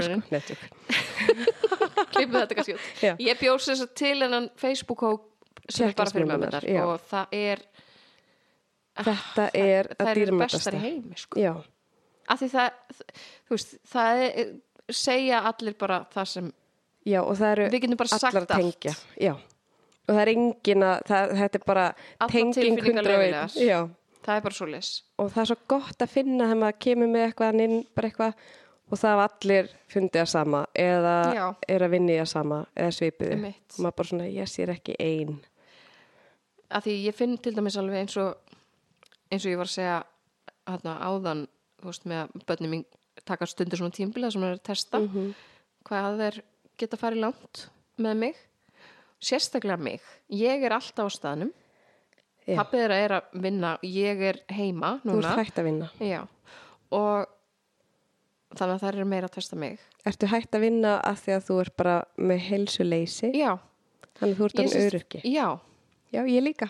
já, Ég ætla að tilkynna opiðberlega, ég hef ekki sagt að við neitt nei, að ég er orðin nei. út af barn, nei, djók, það er ekki út af barninu en það það er út af börnunum mínum, tjók það tryggeraði hérna allt sem að er að gangi Já. á mér og alla sem ég er með. Þannig að ég er sexy öryrki í útkverfi góðan það er bara þannig. Ég meina, og ég sko. Ég er bara alltaf að vaður einu í annað Já, ég En- líka. já, gott að við séum hérna báðar í því. En, ADHD-klúbburinn. já, akkurat. Uh, ég er sko í þessum veikindum það var sagt, eh, í, no, já, í oktober, november uh, 2018 þá sem sagt fæ ég lif líftæknilif Já, sem að virka fyrir bara fullt af fólki en ekki, ekki öll sem prófaði. Ekki þig. Jú, þau virkuðu Nú. fyrir mig sko, og ég bara ég var búin að vera með útbrot í meira og minna, meira og minna í nýju mán nei, tíu, ellefu mánuði eða eitthvað Er hundurinn uppáhalds bíómyndi? hvern- Nei, hata Sjók, sorry, ég var að koma það. Þú er bara þarna, já, maðurinn byrjaði að fara að þrá hunda. Ég doppur. líka svo öðlega sko falið þetta samt út af því ég fekk útbrotin lítið í andlitið Ok, nice. Mér fannst það fínt, en Já. síðan þegar ég fikk ofsabjúin, þá var hann bara í andlitinu þá var Jesus. ég bara, varirnar alveg bara hérna fjórfaldar og já, þetta var rosalegt sko Oh en God. hérna já, ég fær semst þessar sprautur ko- kemst að hjá þessum lækni sem sér um þær og fær þessar, sprautur uh, í nómber og ég sé bara útbrotin fara Aha, og bara, ég horfi bara á þau fara og Ok, ég er bara, ok, geggjað þetta er bara, þetta er bara virka, þetta er að virka og ég var alveg Yes. fullt að lifjum ennþá samt með, sko, Já. ánæmislifum og, og en hvað alveg lengi er þetta? Heitir þetta eitthvað? þetta er bara idiopatic urtikarja Idiot. já, ég er, er hálfviti Idiot pathetic. já, Já, ég er bara path pathetic hálfviti Pathetic halvviti. Vá, góð greining. idiopatic, það, það er semst að það er engin skýring Sorry, þetta er bara svona, þetta er bara svona hvað heitir það, þetta er bara svona króníst og engin skýring Nei, ok. Svo- En mér finnst einmitt mjög fyndið að þetta heiti þetta. Idiot. A pathetic idiot. Það er það sem ég er. Bílast. Bara svona, æ, ég er örki, æ, ég er Ég er bara hálfviti. idiot. Já. En ég sem sagt, hérna, þarna er ég hætt í rauninni, ég er í endurhæfingu þegar ég byrja að fá svo sprautur. ok. Og þú veist, ég var í endurhæfingu þarna í 20 mánuði eða eitthvað. Vá. Og þú veist, fyrst er ég alveg að fá bata. Mhm. Sérstaklega því að, hérna, þegar ég fer, að- að fá lifin líka og svona, þessi lif sem að virka. Og svo stoppar hann bara. Það gerist ekkert meira. Og ég er alltaf að samfæra sjálfa mig um að ég sé nú alltaf að verða orku meiri og hressari Já, og ég allt þetta. stoppar endurhæfingin. Já. Já. Ég er bara ekki að ná því. Nei. Ég er bara ekki að verða betri. Og ég var alltaf að segja við hérna, uh, stuðningsaðilan minn eða svona hjá virk. Jú, jú, ég, ég verði örgulega tilbúin hérna, fljótlega bara til þess að fara í allavega eitthvað hlutastarfi eða eitthvað og, og var það alls ekki. Já. En bara því alltaf, alltaf að fara á hnefanum sem komir á þannan stað. Mhm. Og svo bara sagði sálfræðingurinn minn við mig bara, hérna, þú ert ekki tilbúin. Akkur ert að segja að þú sért tilbúin, þú ert ekki tilbúin veist, þetta, þess vegna ertu svona út af því að þú ert alltaf að gera meira heldur en þú þólir Nákvæmlega. og ég bara uh, það var svo gott að einhver annar skildi segja þetta Já. af því ég vissi þetta alveg innst inni þú en það var bara ekki. gott að einhver fagaðili myndi segja þetta við mig Mhm. og ég bara fór til þarna virk og sagði þetta bara og hún bara já en, en þú sagði samt þú verður samt alveg að og ég bara nei það er bara miskilningur Ég bara miskildi það- sjálfa mig. já, ég miskildi bara sjálfa mig Já. en þetta er bara, það er bara þannig Pældi hvað er innprentað í okkur. Bara, komast aftur út að vinna Já. út í harkið, alveg saman hvernig þið líður. Nákvæmlega. og ég bara ætlaði mér Mhm. en það gekk ekki eftir og sko ég var eiginlega bara þegar ég var komið með þessi lif þar sem ég var Mhm. ekki lengur með þessu útbrot ég náttúrulega fyrstu vikuna þá var ég bara ok, eftir svona tvær vikur þá er ég bara góð. Einmitt. veist, nei, var náttúrulega ekki þú veist þannig, ég bara veist, náttúrulega ennþá ekki orðin góð, það er 2023 Já, hvað er mörgar síðan? Það eru Fimm uh, ár síðan? já, fimm ár síðan ég datt út af vinnumarkaði bara eiginlega akkurat fimm ár núna. Og ég sem sagt síðan er bara á sama tíma eiginlega og það er svona komið ljós að endurhæfing er bara eiginlega fullreind Mhm. þá komst ég að ég var jólétt Já. það var eiginlega þannig og ég var Oh svona að taka God. pásu frá endurhæðingurinn til að sjá hvernig mér liði og Já. ætlaði að halda áfram og var ekki viss og ég var svona pínu lausu lofti Mhm. og þá kemst ég að ég er ólétt og, og ég hef aldrei verið ólétt þú veist, með, við höfum aldrei Aldrei Al- orðið ólétt. Aldrei bara, og ég meina Aldrei án misst, getna að verði aldrei- 15 nei. Ár skilur vá. Ok, hvernig fa fattar að vera ólétt? það er svo styrlað sko Já. sko, ég er náttúrulega, já, ég er að fá þessi lif þessar sprautur Er þetta eitthvað, er þetta eitthvað svona frjósemislif? nákvæmlega Hvað var hann sprautaði með? ég sem sagt, er að fá þessar sprautur þarna og ég fer sagt alltaf ég, ég fæ sprautunar, núna sem sagt sprautaði ég mig sjálf heima Já. en á þessum tíma þá þurfti ég alltaf ennþá að fara svo þetta var frekar nýtt lif og það er alltaf verið svona að þróa veist, hvað maður getur gert mikið sjálfur og svona. Já. og ég þurfti alltaf að fara á neskupstað á sjúkurási þar og fá sprautunar hjá þeim og þau fylgdust með svona lífsmörkum í hálftíma og svo mátti ég fara heim. Þú veist, bara mældi blóðistingur og eitthvað svona. Og ég er semst að fara í livjögjöf áttu að vera að byrja að blæðingum. Mhm. fyrir tíu dögum Ó, og ég þú minna, að nei en þú veist, ég var bara ég var að pæli því út af því að ég var bara búin að vera með túrverki. Veist, ég var bara búin að vera með túrverki og bara skrítin, óksla blótið mörgulega, Bara alltaf alveg að byrja að túra eiginlega. já. Já. og bara svona alveg alveg þannig. Mm svo daginn sem að þannig aldrei fyndið, ég fór í fór líka í starfsviðtal saman ég komst að ég var ólíkt að því ég var svo ákveðin í þarna ég ætlaði sko að fara og bara var að sækjum bara geðugt metnaða fullt Nei, starf sem ég bara, hefði aldrei verið að fara í sko. Nei. en ég var bara ok, þetta eru rosalega mörg einkenni. Ég sagði þetta ekki, ég nefndi þetta ekki eins og við Gunna að þú veist, ég væri actually, ég ætlaði actually að taka próf sko, út af því að þetta var svo það var svo, nei, ég var bara nú er ég að byrja mjög snemma á breytingaskeiðinu, það var það sem ég hugsaði. Einmitt, og ég bara, þú veist, ég var bara komið hérna brjóstaspennu og hægðatregðuna og bara allt sem fylgir. Sem ég vissi ekkert að fylgdi þá en ég bara, þegar ég bara googla bara helstu enginni breytingaskeiðs byrjun á breytingaskeið og helstu enginni óléttu. Já.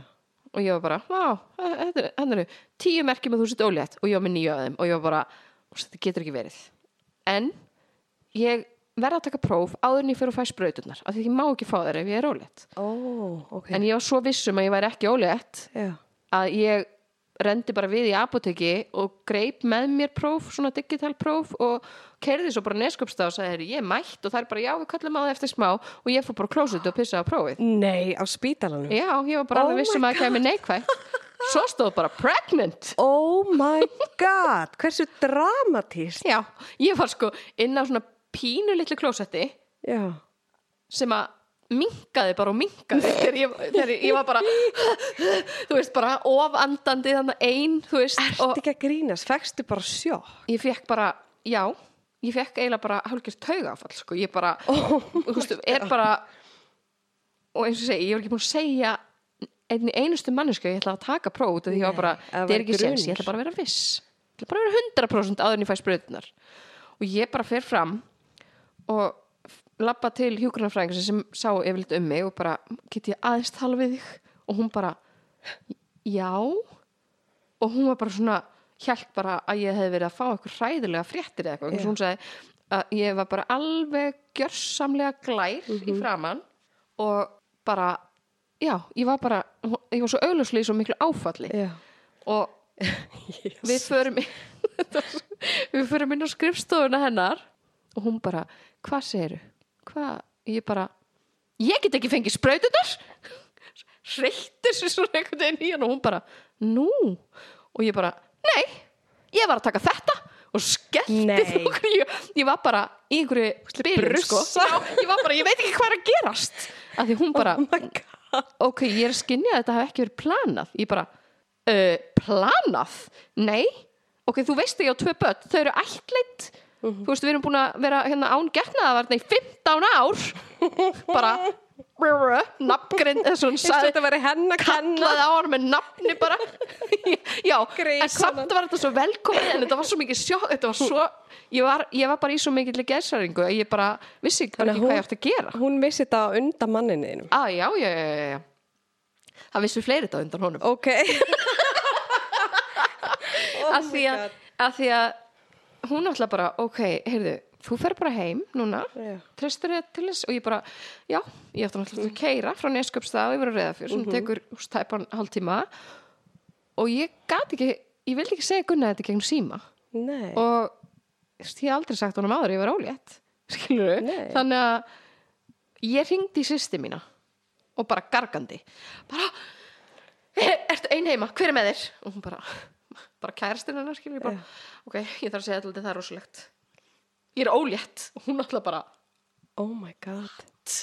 hæ?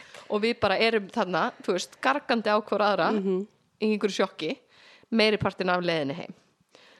Og svo var ég alveg að vera komin heim og ég var að reyna að hugsa bara er, er einhver svona, þú veist einhver svona falleg leið, eitthvað svona sérstak leið til þess að segja honum þessi ólétt og, og hvað ég að gera og eitthvað og, og svo kem ég inn og hann bara býtu, volstu komin fljótt tilbaka? Hvað, glemdist að panta lefiðin eða eitthvað? Og ég bara, nei. Og hann bara, ok, hvað er þá? Ég lappaði, ég hafði farið og verið búin að rétt stinga prófunu inn í skápa því ég bara, ok, ég ætla að gera þetta á eitthvað sérstakann hátt. Já. svo spurði hann mig bara og ég bara, nei. Lappaði inn í eldús og rétt honum bara prófið bara, um ég er ólétt. Bara, hann bara, Já. en hann sagði ekki neitt. Eða ekki. hann bara stóð og starði. Bara stjarfur. já, það var bara þannig. Og ég bara e, segði eitthvað, hann bara ég, ég bara bjóst aldrei við að þú myndi segja þetta við mig. Þessi orð, skilur Oh my god. og svo var ég bara, þú veist, náttúrulega bara í algjörlega lausu lofti. Ég var bara, ég veit ekki hvað maður gerir þegar maður er óléttur. Hvað á ég að gera? Hvernig á ég að hvað- tala við? hvað á ég? Ég, hvað, hvað gerir ég nú? ég veit hvað ég gerir ég er allega skilur, ég veit hvernig ég á ringi og Þú varst náttúrulega á spítalanum, gæst ekki fengi bara, Nei, ég fór bara þú ert að fá bara sónar eða eitthvað, ég veit Já, ekki. ég ringdi og svo kom að ég vissi nákvæmlega hvenær þetta barn hefði orðið til Já. hérna á tjaldsvæðinu hérna í Hafnafyrði Nei. Í alvörunni. ok, og klippið þetta út Hversu sexy. hérna, já, og þannig ég vissi þá hvað ég væri komin langt og ég bara, en ég trúi þess ekki. Þannig að ég var bara, ég ringdi í vinkonu Hvað mína. varstu að koma langt? ég var komin svona fimm og halva næstu sex vik Vá. og ég sem sagt ringi vinkonu mína eða sendi inn skilbóð sem býr á reyða fyrir sem er hjúkunarfræðingur og ég bara, má ég koma til þín?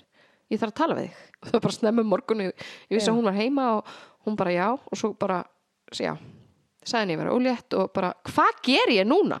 og hún á fullt af börnum þannig að hún svona heyrðu mm, bara, bara best fyrir það kannski bara hafa samband þanga ringja þarna og eitthvað þú veist til þess að panta tíma eða þú vilt fara í snemsonar og ég bara, ég bara, ég verð að fara í snemsonar Já.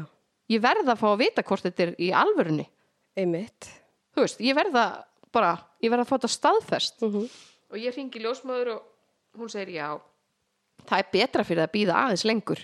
Þannig að sé hægt að sjá hjartslátt til dæmis, það er auðvitað of snemt núna. Og ég bara en er mögulega hægt að sjá hvort það sé eitthvað í legin á mér? Og Já. bara, já. Og ég bara, og þá verður að lega mér að koma. Já. og ég kom í sónar þarna nokkur dögum setna Sjöttu viku eða eitthvað? Já, Já. ég bara komin eh, nánast akkurat sex leis og ég fór í sónar og hún er svona bara já, það er hérna úst, svona nestispóki, eitthvað bla bla og eitthvað. Og ég bara mm en getur sagt mér beint út, er ég ólétt eða? Þú veist, þú ekki að segja mér neitt. Ekki þú að verður að segja. Og hún bara, já, ég meina það lítur út fyrir það, við náttúrulega það er ofsnemt til að sjá hjartsláttin, ég bara, já ok, ég ætla að útskýra mínar aðstæður. Bara, Já. þetta er að gerast núna eftir svona langan tíma. Þú verður bara að segja mig beint út skilur, hvað er að Já. gerast.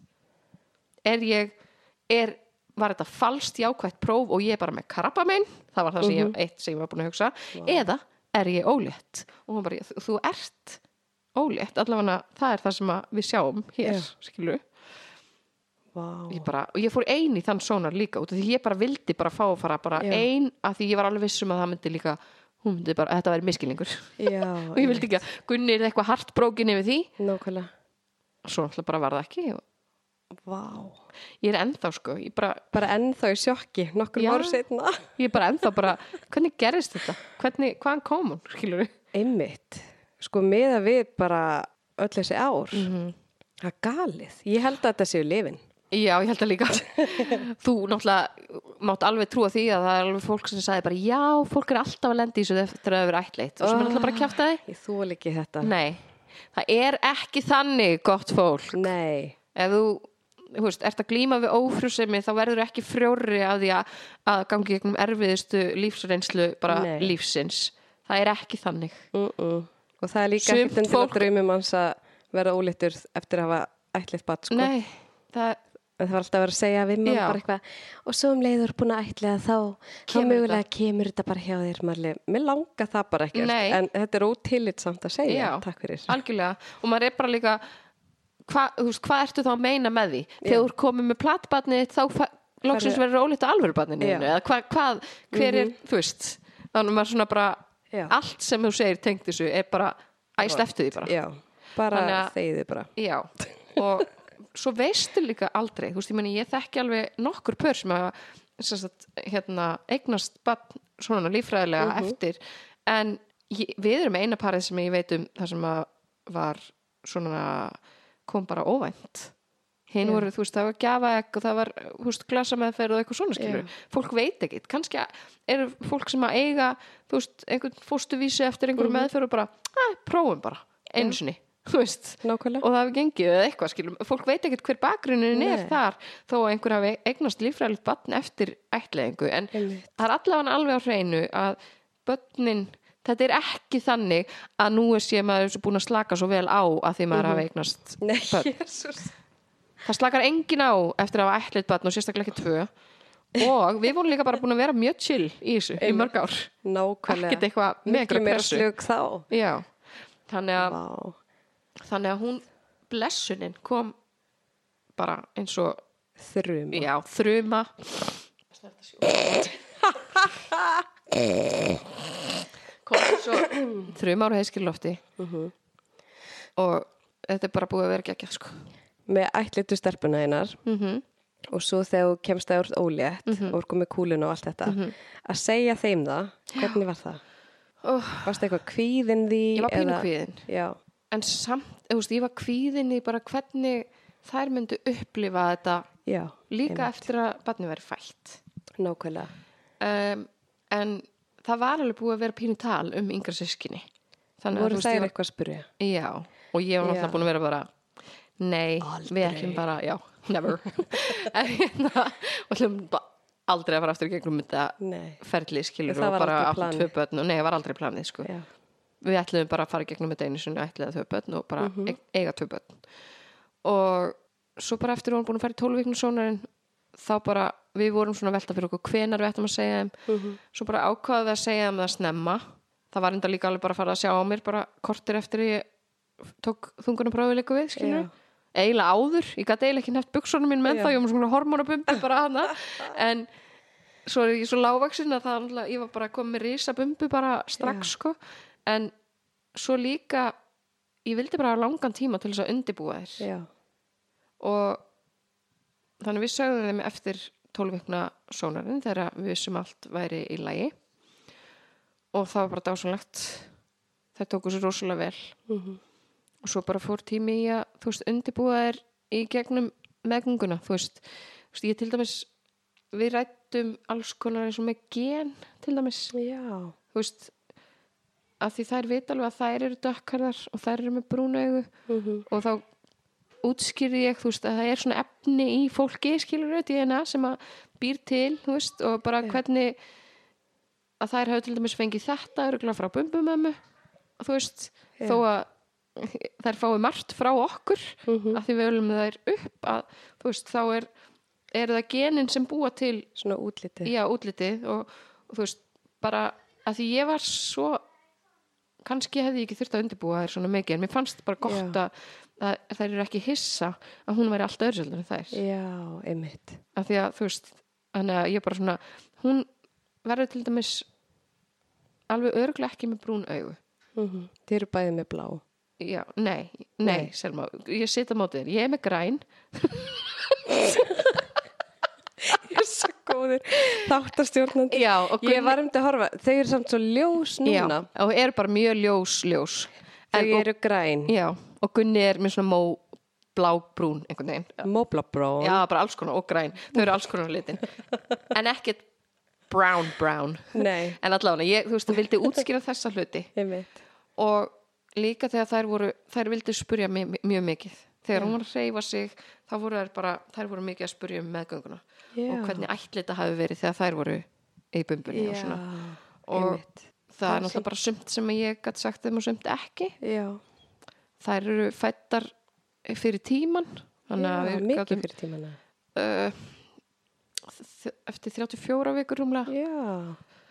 við vorum mjög heilbriðar en Já. rosalega litlar Mm alveg bara mjög litlar og þú veist ég gæti svona sagt þeim þú veist, hva, þú veist eins og núna -hmm. þegar þú veist, þá voru þið að fæðast skilur þegar ég Já, var komin þú á þegar, eða, þú, já, ekki ég, ég sagði ekki þegar ég var komin þegar, þegar að meðgangan var komin svona Já. þá fættist þið og þið voru tekna með keisara þú veist, svona hluti veit ég Já. og, og Arnei er líka tekið með keisara síðan, Já, ok. yngsta, þannig að það var bara mjög gott Já, af því að það var bara það er eitthvað sem er eiga allar já, en þær tóku þessu ótrúlega vel og þær eru Já. svo bara ah, bestu bara stóru systur í heimi. Ég bara, ég, ekki, ég get ekki, get ekki ég hef ekki getað trúa því hvað þetta gekk vel. Vá. Maður hefði búist við að þetta væri svona meira erfitt. já, ég var mjög hrætt um það. Mhm. það hefur ekki verið ein einasta stund í alvörinni þú veist, ég meina, jú, kannski eitt og eitt komment eitthvað, þú veist, hvort að svona, þegar verið að spæja, hvort að mér þykir meira vænt um hana eða eitthvað. Eitthvað sem hefði líka geta komið frá hvaða eldra sískinni sem er já. bara því að ég meina, ég var náttúrulega mikið með hann í fanginu og hún var brjóstu og allt það það eru svo þólinmóðar og duglegar að leika við hana og passa, við, passa hana og bara, Mhm. já, það er bara það hefur Geggjaðar. bara gengið sko svo langt fram úr okkar björtustu vonum sko Já. Þannig líka að- er ekki bara því eða þið undirbukið er svo ógeðslega vel ég held það og alltaf bara alla spurningar velkomnar, alltaf Já. tala um hlutin ef það er þess að tala. Einmitt. Ég held að það skiptir rosalega miklu máli. við fengum líka hérna, ég fann bók sem hétt eitthvað Lárus eignast sískinni eða eitthvað svo ég man ekki, Já, ég man allavega hann já. strákurinn hétt Lárus í bókinu Já. og hún er rosalega góð af því hún Mhm. fjallar líka um tilfinningarnar Já. bara fjallar líka um bara, þú veist, eins og til dæmis sem var í mínu tilfelli, ég var mjög mikla grindaglíðun, bara að, þú veist, mamma er oftar þreytt Mhm. þannig að hún getur kannski sjaldnar verið að gera eitthvað en Mhm. þú veist, þér er velkomið að sitja hjá henni og lesa bóka eitthvað, þú veist, það var alls konar svona og svo var, eftir að barni fæðist, það er erfitt vegna þess að þá þarf svo mikil aðtekli að vera litla barni Já. og það er e- eðlilegt að líða þú veist, líða ekki nógu vel með það og, það er Mhm. eðlilegt að það sé erfitt þannig að þú veist, við töluðum mjög mikið um það. Veist, ég talaði mjög mikið um það. Það verður alveg pínu erfitt fyrir ykkur þú veist, að Mhm. hún, hún mun þurfa miklu aðtekli og svona. En ó, það er bara það var bara, yes, we got this. Og voru bara svo dásamlegar sko. Að það Hvað er, bara, hvað er litla músin Arnei? Hvað er hann orðið gömul? hún er að vera þryggjara Oh hún fættist í við erum ekki neitt að eignast börn í hefðbundum aðstæðum. Hún fættist semst í fyrst, fyrstu bylgju COVID Já, það er verið frábært. já, alveg geggja Kófibarni. Jésús, það er bara trama eftir trama. já, þetta var sko Endalaust. við vorum að leiðin í norður, hún fæðist semst á Já, og við erum að leiðin í norður hérna þreim, fjórum vikum áður en hún fæðist bara áttum að vera þar og hérna við erum að leiðin í þanga þá er semst tilkynnt að makar megi bara vera með í virkri fæðingu ha, já, ok. Styrlað sko og við bara, á, ok geggjað, virkfæðing er þá, já, virkfæðing er þá sem sagt uh, Þegar þú gerir það vennilega. ég bara, þegar þú- nei, þú er komin eh, þú veist, af stað og komin með eitthvað Ó. fjóra í útvikun og eitthvað svona skilur Ok. og ég fór, þú veist, alveg í það skilur, Já. en enda var ég bara aðkessara en, Þannig að þú ert að vera ein fyrir það. og ég var sko, Galið. ég semst fyrir í, í ég er sett á stað Já, sem tók fimm daga. Ok. ba- bara allar aðferðir reyndar Já, sem að loksins tókst með einhverju ballún upp í leghálsuna á mér. Nice. og hræðilegt sko. Já. og hérna þá sem sagt er ég komin hérna í þrjá, fjóra í útvikun og be- belgurinn er sprengtur og þá er hringt í gunna. Þá er ég, það er sunnudagur, sunnudagsmorgun þá er ég búin að vera, veist inn á sjúkrahúsi einn síðan föstudagsmorguninu og hafði fyrir það verið þjá daga heima að taka töflur skilur til að reyna að koma sér stað wow. þannig að það er búin að vera allan tíma og áður en ég fer af staðinu morgunin þá var ég bara, ok, ég er bara ekki að fara af stað og þá mun ég bara, að þetta var bara þetta er síðasta úrræði, ef þú fer ekki af stað eftir klukkutíma þá verður bara að fara í keisara Mhm. hann mátti ekki koma inn á sjúkrahúsið nema ég væri virkri fæðingu þannig að það hefði þýtt að hann hefði ekki mátt koma áður en Já. að barnum myndi fæðast þannig að, þú veist, þá hefði ég þurft að fara bara ein í keisaran oh búin að vera ein allan annan tíma. Búin að gráta í svo sólarling skilur Jesus. og sem betur fyrr þá dettur þetta ballún þarna út sem var Já. það sem átt að gerast og ég fyrir stað. En já þannig að það, að það ringdi hann og hann kemur og bara um leið og hann kom þá var bara einhvern veginn allt svona auðveldara. Það var alltaf bara búið að vera svo mikil kvíði og bara allt. Já, jésús, ég get ekki ímyndað mér að vera ein í Nei. aðstæðum. og svo bara, þú veist, svo fer ég gegnum hann hríðirnar og allt þetta og svo bara stoppa ég í útvíkun, skilur við bara, er bara í marga, marga, marga klukkutíma í sömu útvíkun og það er bara ekkert að gerast. Þannig að það, þá bara var hún, hún var aðeins skökk í grindinni og hefði sennilega bara ekki geta fæðst um fæðingavegin skilur, Já. þannig að ég fer í bráðkeisara og hann má ekki vera með í keisara þannig að hann, hann var ekki vist eftir fæðingu já, oh my god. það var mjög leðilegt Já, en svæfingalæknurinn á Akureyri sem ég man aldrei hvað heitir en mm -hmm. átásulegur sem gaf mér hérna mænudeyfinguna sko já. ég var næstu búin að bjóða hann um date sko sagði það mér þess að ef, ef maðurinn minn væri ekki hérna örgulega margar sagt það Og við hann það sexy alveg að fara að Já. fæða og reyna við hann. já, en hann sem sagt, það var ljósmóður með mér Já. í, í, í sem sagt fæðingur, í keisaranum sem var yndisleg Mhm. en hann var eiginlega minn helsti stuðningsaðili í fæðingunni Er það? Þú veist, hann stendur þarna við höfulegið á mér og ásönnilega bara vera þar eða eitthvað, ég veit það ekki, en allavega hann er þar og það er hann sem er alltaf að, þú veist, bara veist, þetta er alveg að vera búið, þú ert búin að standa þið svo vel og allt þetta sem að maki ætti í rauninni kannski Já. að vera að segja og hann var minn maki í þessu Já. í þessum keisara nice. ég vona hann heyri þetta einhvern tíman Já. en það er örugglega- þetta er örugglega oft verið sagt við hann að hann var bara dásanlegur sko. Geggjað. alveg dásanlegur þær sögðu líka við mig að hann væri bestur Var hann- áður en hann kom þannig að Hann var að pínusætur. ég veit það ekki, að hafa um grímu Ok. á COVID, En ég veit ekki hvernig Örgla sætu með grímuna. já, hann var líka bara, þú veist hann var náttúrulega bara mest bara hotgaur í heiminum út af því að hann leit mér líða svo vel þegar ég fekk mænudeyfinguna þá hvarf það þurfi allir verkir Já. líka grindaverkinu sem ég var búin að vera með í tíu vikur Nice. þannig ég var bara eitthvað oh Bara, my god Give me more of this. Every day. en þetta bara já, það var mjög skrítið barnan í, í. COVID og mættu al- alveg einhvern tímann bara tala meira um það þú veist, ég veit að það eru margar sem voru bara að ströggla sérstaklega Mhm. sem voru kannski þú veist ungar mæður, ég er svo gömul ungar mæður, þú veist og jafnvel með fyrsta barn og það er kannski eitthvað svona eins og endi keisara Mhm. þar sem að maki má ekki vera með og eitthvað svona þetta er bara, það var bara mjög bara mikið, bara traumatizing fyrir Já. margar þeirra, sko ég átti auðveldara með þetta Mhm. og kannski út af því ég var með önnur börn heima sem ég var svo mikið að hugsa um Já. og alls konar svona skilur en ég skil rosa vel að vera í hinum sporunum rúglega bara, Ég myndi ekki höndla þetta, sko. þetta var bara mjög erfitt sko. Ég myndi vera í kvíða að því að kvíða pjessi, sko. já, Þá myndi ég vera gjörsamlega búin að missa. sko ég kveið eiginlega meira að myndi eitthvað koma upp á í þú veist, semst leggangafæðingu þannig að ég einhvern veginn, þegar var búið að taka ákvörðum um keisaran, þá var ég bara ok Já. þeir eru bara frá komin í heiminn en það sem var skrítið og ég sagði engum þetta fyrir en daldi eftir hún fættist Mhm. að ég var ennþá hissa þegar hún fættist þegar tók hana út úr mér og ég heyrði í henni fyrst skipti út af því að ég alla meðgönguna, þetta var indislegt ég var að finna hreyfingarnar og allt þetta þú veist.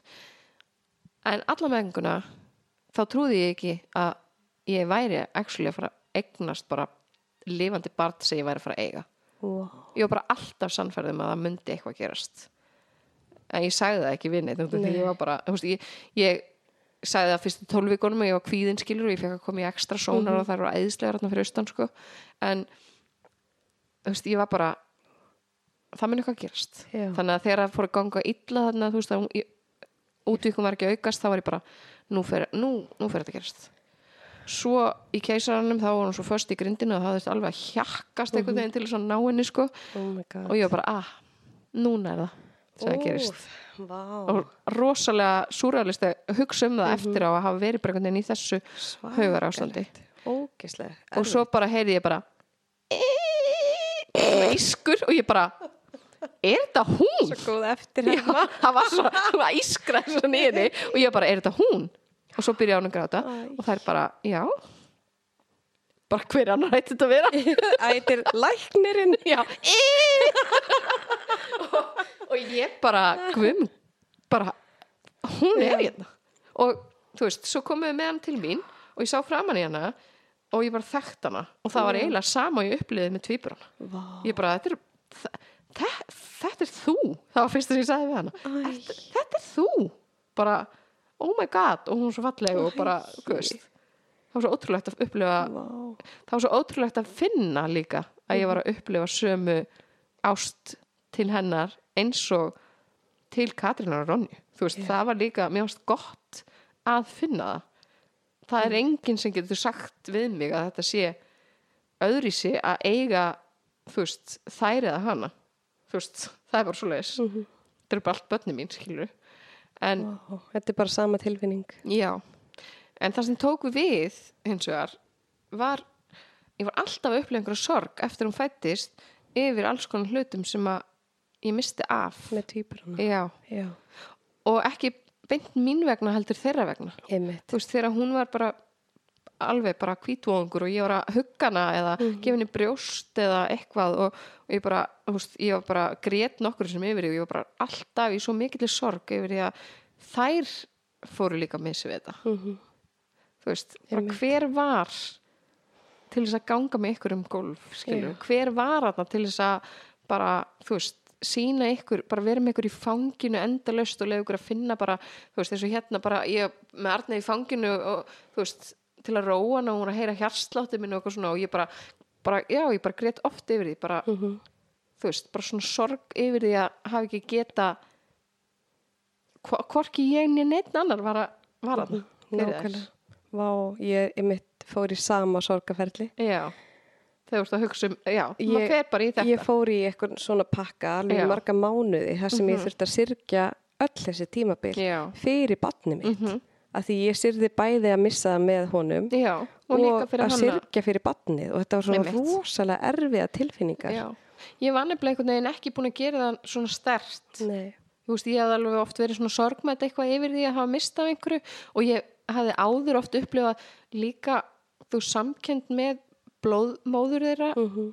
Að ég hugsa stundum, ég vildi óska þess að ég geti sagt henni að líðu, sagt henni að þær eru, þú veist, kunna litina og þær líðu vel og þær eru Já. bara í leikskóla eða, þú veist, ég, ég vildi óska þess að ég geti sagt þeim hitt og þetta, skilur, Já. sagt henni það það var svona ég var meira svona þar ég vildi óska þess að hún geti vita hvað þær eru frábærar og þú veist en svo þarna, þú veist, að vera að upplifa þetta með hana og þá þá loksins einhvern veginn skall þessi sorg á mér sem ég, einmitt ég veit að veist, margar hafa upplifað bara Já. fljótt, þú veist, einmitt með ætlendu börnin sín.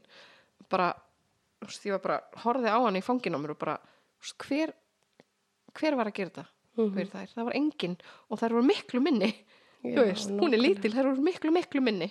Þannig að þú veist, bara það var rosalega erfitt, sko.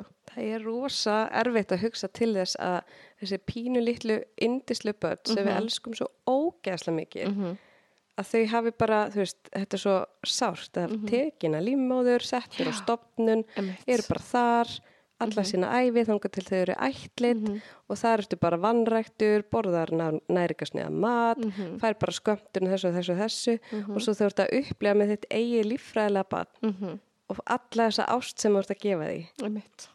Þú veist, ah, ég fæ alveg bara svona, þú þarft svo mikið að gera sérstaklega á þessum tíma. Já, þetta er svo ótrúlega krúsjál tími. já, maður fær alveg bara svona, ég fæ alveg ég fæ Já, ég fæ ennþá svona, ég geti alveg fyrir að grenja sko, já, ég bara alltaf ég hugsa um þetta. Já, út af því að bara það á ekkert batna að þurfa. Nei, að því þetta er svo ósangjan Já, og það er líka að því að þegar fólk segir að þú veist það séu mannréttind að fá að eignast börn ekki, Nei, það er ekki.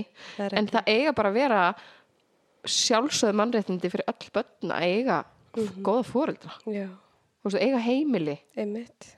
Bara alltaf. Þá að vera, það er það á að vera þannig, en það er, er ekki miður, en það á að vera þannig. Mhm.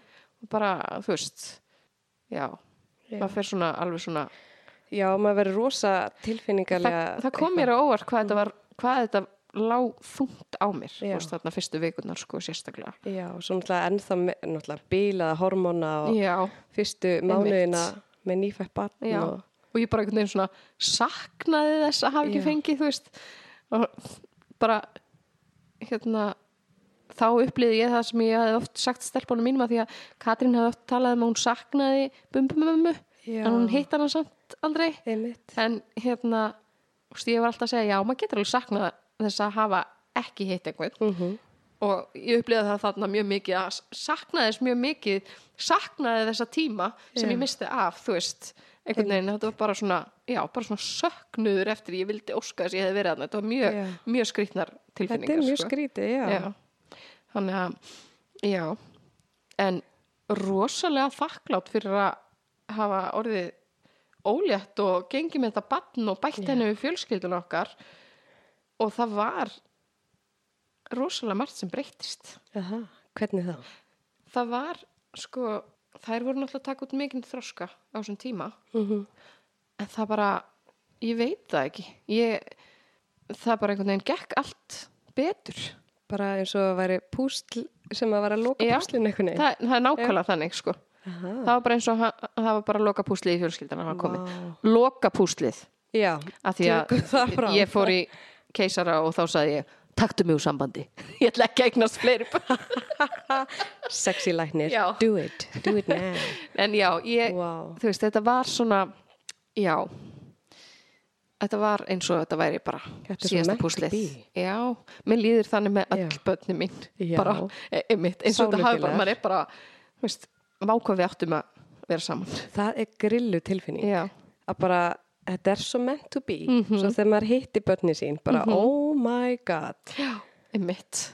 Þetta er, þetta er rosa skrítið. Húmorinn, kannski sam það er svo fyndið, Einmitt. skilu auðvitað er það eitthvað sem þið læra en sumt er maður bara, ok, þú ert strax bara já, Einmitt. fyndi nú ég. Já, já, nokkala á þess að ég sé búin að kenna þér það mitt en Ah. það er bara, já, þetta er bara þetta er svo geggjað, sko. Já, og ég er bara, já, svo ógeðslega þakklátt, sko.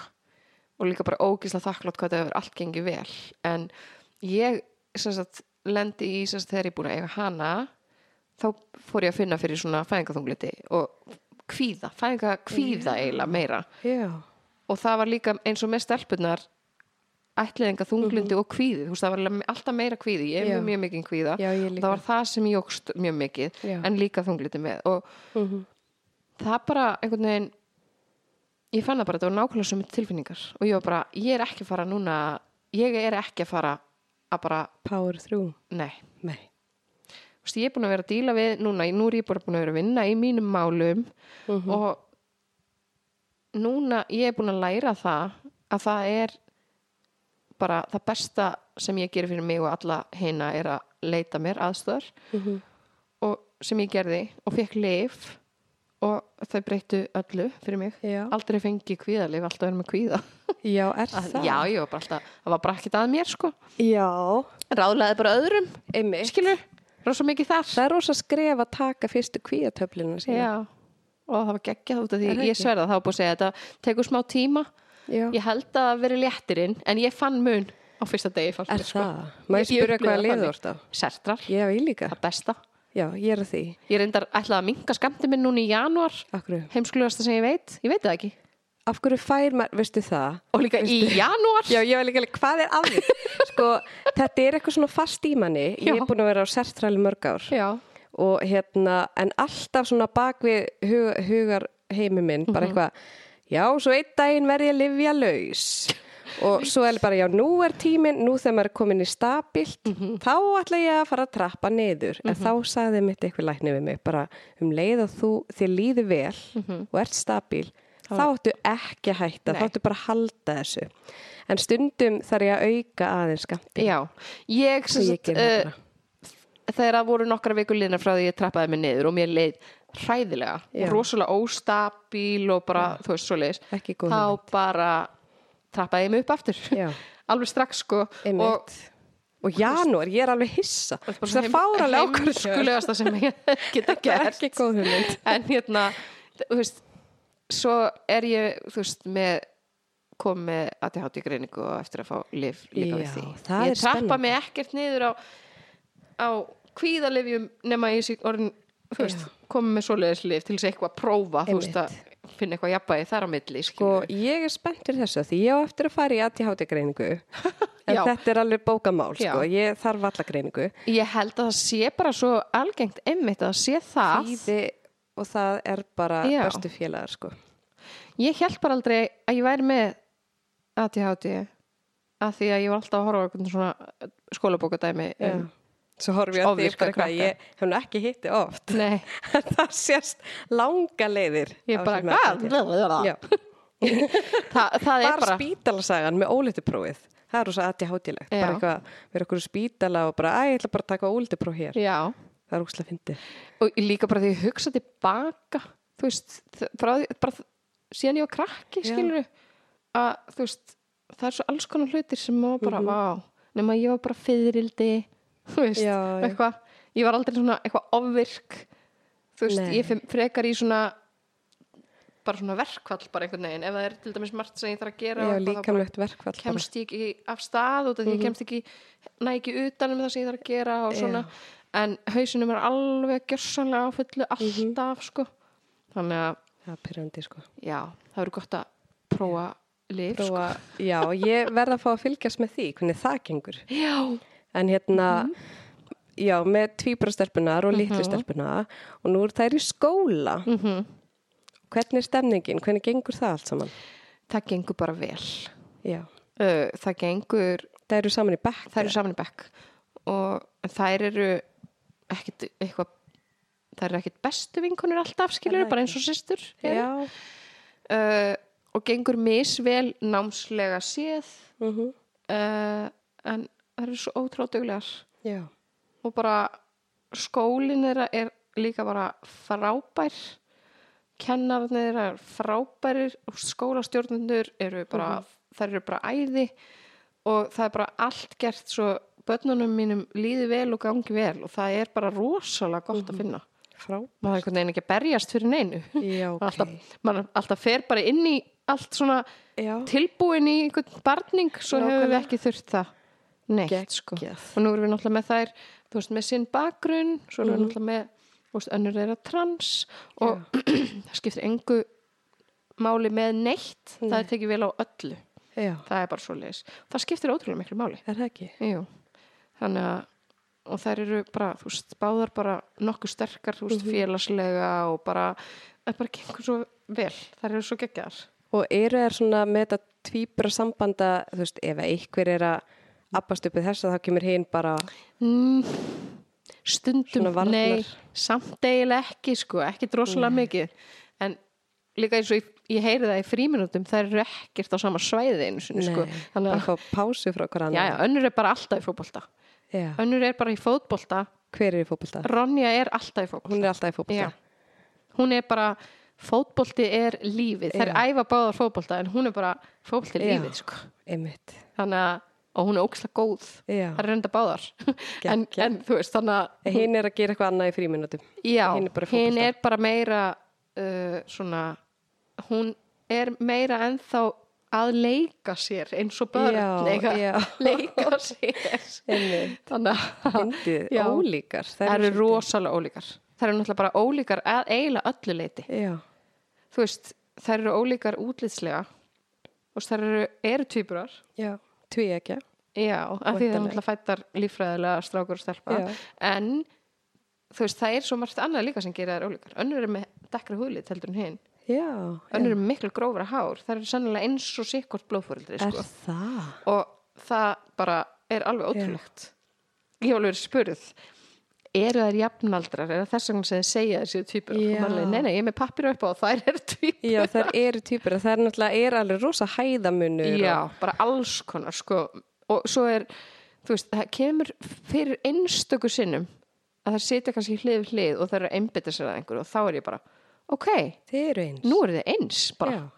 alveg eins en svo bara Mhm. líði það hjá og þær eru bara mjög ólíkar af flestu leiti sko. Já. Svo fyndnar, ég mun að fylgjast með þér hérna. Varst með eitthvað tíma með snappi. já, já, já. Það er bara svo fyndna týpur. Mhm. Algjör, sko, og Katrín, hún er algjör ráskona. já. Og þetta eru er svo bara- fyndið, það er svo fyndið. þær eru bara dásamlegar Skemmtilega. já, báðar Ó, bara, eins og ég segi, þú veist, þær voru svona þær komu svona fyndnar til mín Já. það er ótrúlegt Og passa vel við. já, Af því að þú ert nú pínu, þú ert er mjög ógeðslega fyndin. Mér finnst þú mjög fyndin. ég er mjög fyndin og svo komu þær Fyndin brussu ráðskona eins og börni. heyrður að ég nefni ekkit Gunna í sá Nei, hann, ég búin að gleyma hver er pappin. ég veit það ekki Nei, ég veit það ekki. Hver veit? Já, hann er líka dásamlegur, hann Gunni. já, Já, já, hann á líka þessi börn.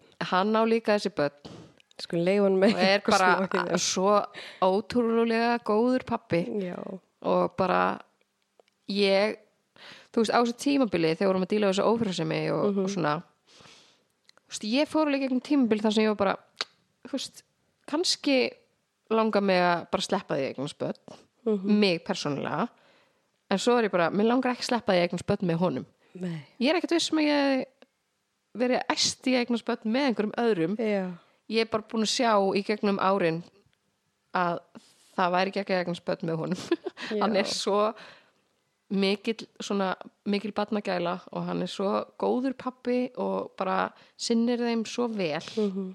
þú veist, tilfinningarlega og bara duglegur að gera eitthvað með Já. þeim oft, oft duglegur en ég við það Mhm. og alltaf að gera eitthvað fyrir þær svona búa Já. til eitthvað eða eitthvað sko þannig að eins og herbergi er það. Þetta er sko herbergi á heimsmæli hverða. já, Þetta er styrlaðasta barnaherbergi sem ég hef séð. Já, svo gott við erum náttúrulega að gera upp hús og hann er smiður og honum, það gerist ekkert í húsinu Nei. af því að það er svo mikið að gera með börnin en svo komum við með eitthvað svona verkefni og bara já, smíða hérna eitthvað klifugrind og alls konar inn í barnaherbyggið þá, þá gerist það sko Já.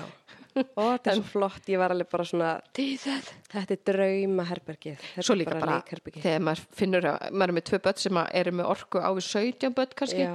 bara að það er gott að hafa bara mjög mikið af activity heima þannig að það getur eitt. Já. orkunni sko Bara það er klifur, það er eitthvað svona til þess að hanga í. Já, bara Það er svona loft til þess að vera uppi að leika og niður þetta er alveg Já. styrla flott, sko. Þetta er bara geggjað sko Vá, hann, að, hann er mjög duglegur í þessu já.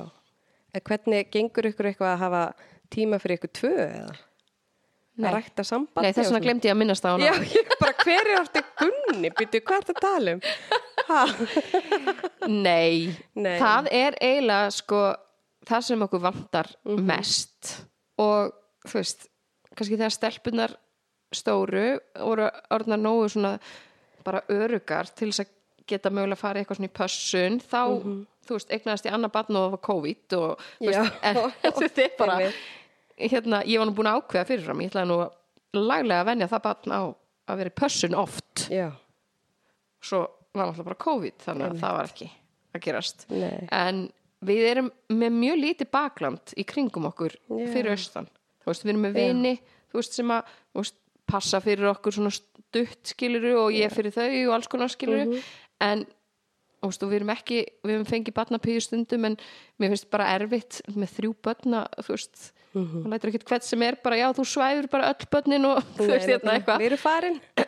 en mamma mín býr fyrir norðan Já, og þú veist, við erum bara fjóra tíma að keira þangað og þær hafa alveg farið veist, þangað í pössun Já. hún er ótrúlega duglega að sinna þessum barnaböndum sínum og koma, koma austur eða þú veist, einmitt koma hérna suður já, að passa önnur barnabönd þú veist, þegar allir voru yngri og svona bara, Já. þannig að við höfum hana og, og þau um Mhm. afa en, eh, en þau eru of langt í burtu sko Já. þannig að það er svona helsta sem að Mhm. þú veist, það er erfitt og sérstaklega á svona krefjandi tíma eins og þegar tvíburarnir voru yngri það var bara, úst, maður hugsa bara þetta er ótrúlegt að- að hjónamand lifi þetta af Einmitt. bara bókstaflega, Já. það er bara svo leis Það er nefnilega, þetta er rosalegt. Já. kast.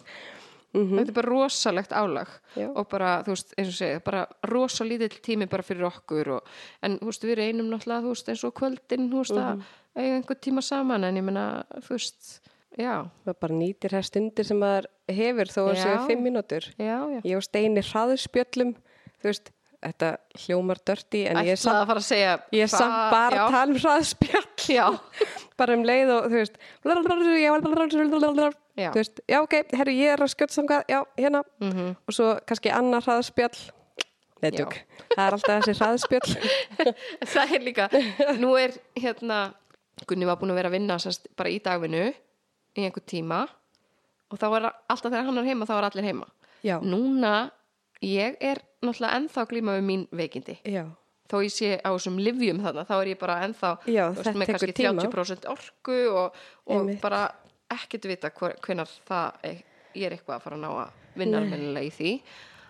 Og er bara á örku búin að vera þrjú ár og búið að framlengja því um þrjú ár. Já, þannig ég er heima sem er sem er jákvætt og ég bara sé bara ógislega margt jákvætt við það af því að ég næ svo mikið að vera heima líka Já. því að þær koma þær eru að stittra í, í hérna í hérna, Frístund. frístund og hún er veist, stittir í dag í leikskólanum Já. og svona og líka bara eins og núna er hann komin aftur í vaktavinnugunni Mhm. og þá er hann stundum heima á virkun dögum þegar það er í skólanum og ég líka þá náu ég bara gæða stund já, Það er ná geggjað. gæðastund sko. en þú veist, eins og hana Ronju. Mhm. þú veist hvernig það gengur og hvernig því var tekið og svona. Mm, þú ræður því alveg, ég bara já, vilt bara þú veist. Af því að það hefur verið svolítið áskorun Mhm. fyrir badnið og fyrir ykkur sem fjölskyldu að hún er orðin hún. Já, að hann er orðin hún. Já. En viltu eitthvað segja? Veist, hvernig þetta þróaðist? Hvernig byrjaði það? Sko, þegar við horfum tilbaka þá sjáum við þetta mjög snemma. Já, í rauninni, en þú veist, við Já. föttuðum ekkert þá, Nei. en þegar við horfum tilbaka ég meina, ég man eftir þegar ég fekk svona memory eitthvað upp á. Snapchat þar sem ég var að kenna þeim þú veist, strákar eru son þú er Gunnars son, hún er Gunnars dóttir. Og, og þá var hún bara nei, ég er dóttir. Ég er Gunnars dóttir. Og ég var bara, nei, þú er Gunnars son. Og þá sagði hann alltaf bara gamla nafni sitt, ég er Gunnars son. Nei, ég er Gunnars dóttir, ég er Gunnars dóttir og ég á þetta vídeo og ég var bara, ég sá bara hvað hún var svona sár yfir því að ég væri að segja nei. Já, og svo spáði ég bara ekkert meira í það. Var það bara tveggjára eða? já, hún tvekja það já, og svona þegar börninu voru kynnt fyrir okkur þá var bara hann elskar bíla, hún elskar dúkkur. Hún- þau bara augljóslega hún hafði engan áhuga dúkkum. Og þær leiku bara báðar með alls konar dótt það var bara þannig, Já. þetta var bara eitthvað svona það var bara búið að setja þér í þessa kassa einmitt og svo erum við heima þær voru ekki droslega mikið eða þú veist, þær, Katrín Mhm. var ekki droslega mikið í kjólum, maður alltaf bara meðan einhverjum þægilegum fötum skilur, Já. bara samfell og buksum eða eitthvað og svo bara er, sér Ronja kjól í skúffunum Katrínar Mhm. og bara, byrju, hvað er kjólinn minn? Ástu, akkur er bara kjólar hjá henni en ekki mér? Já. og ég bara, um, já þá var svona svo mikill stærðamunur á þeim. Þannig að ég var bara ég, ég á örgleit kjól sem passar á því. Mhm. sem ég setti bara skúfun hennar sem hún var bara síðan alltaf í.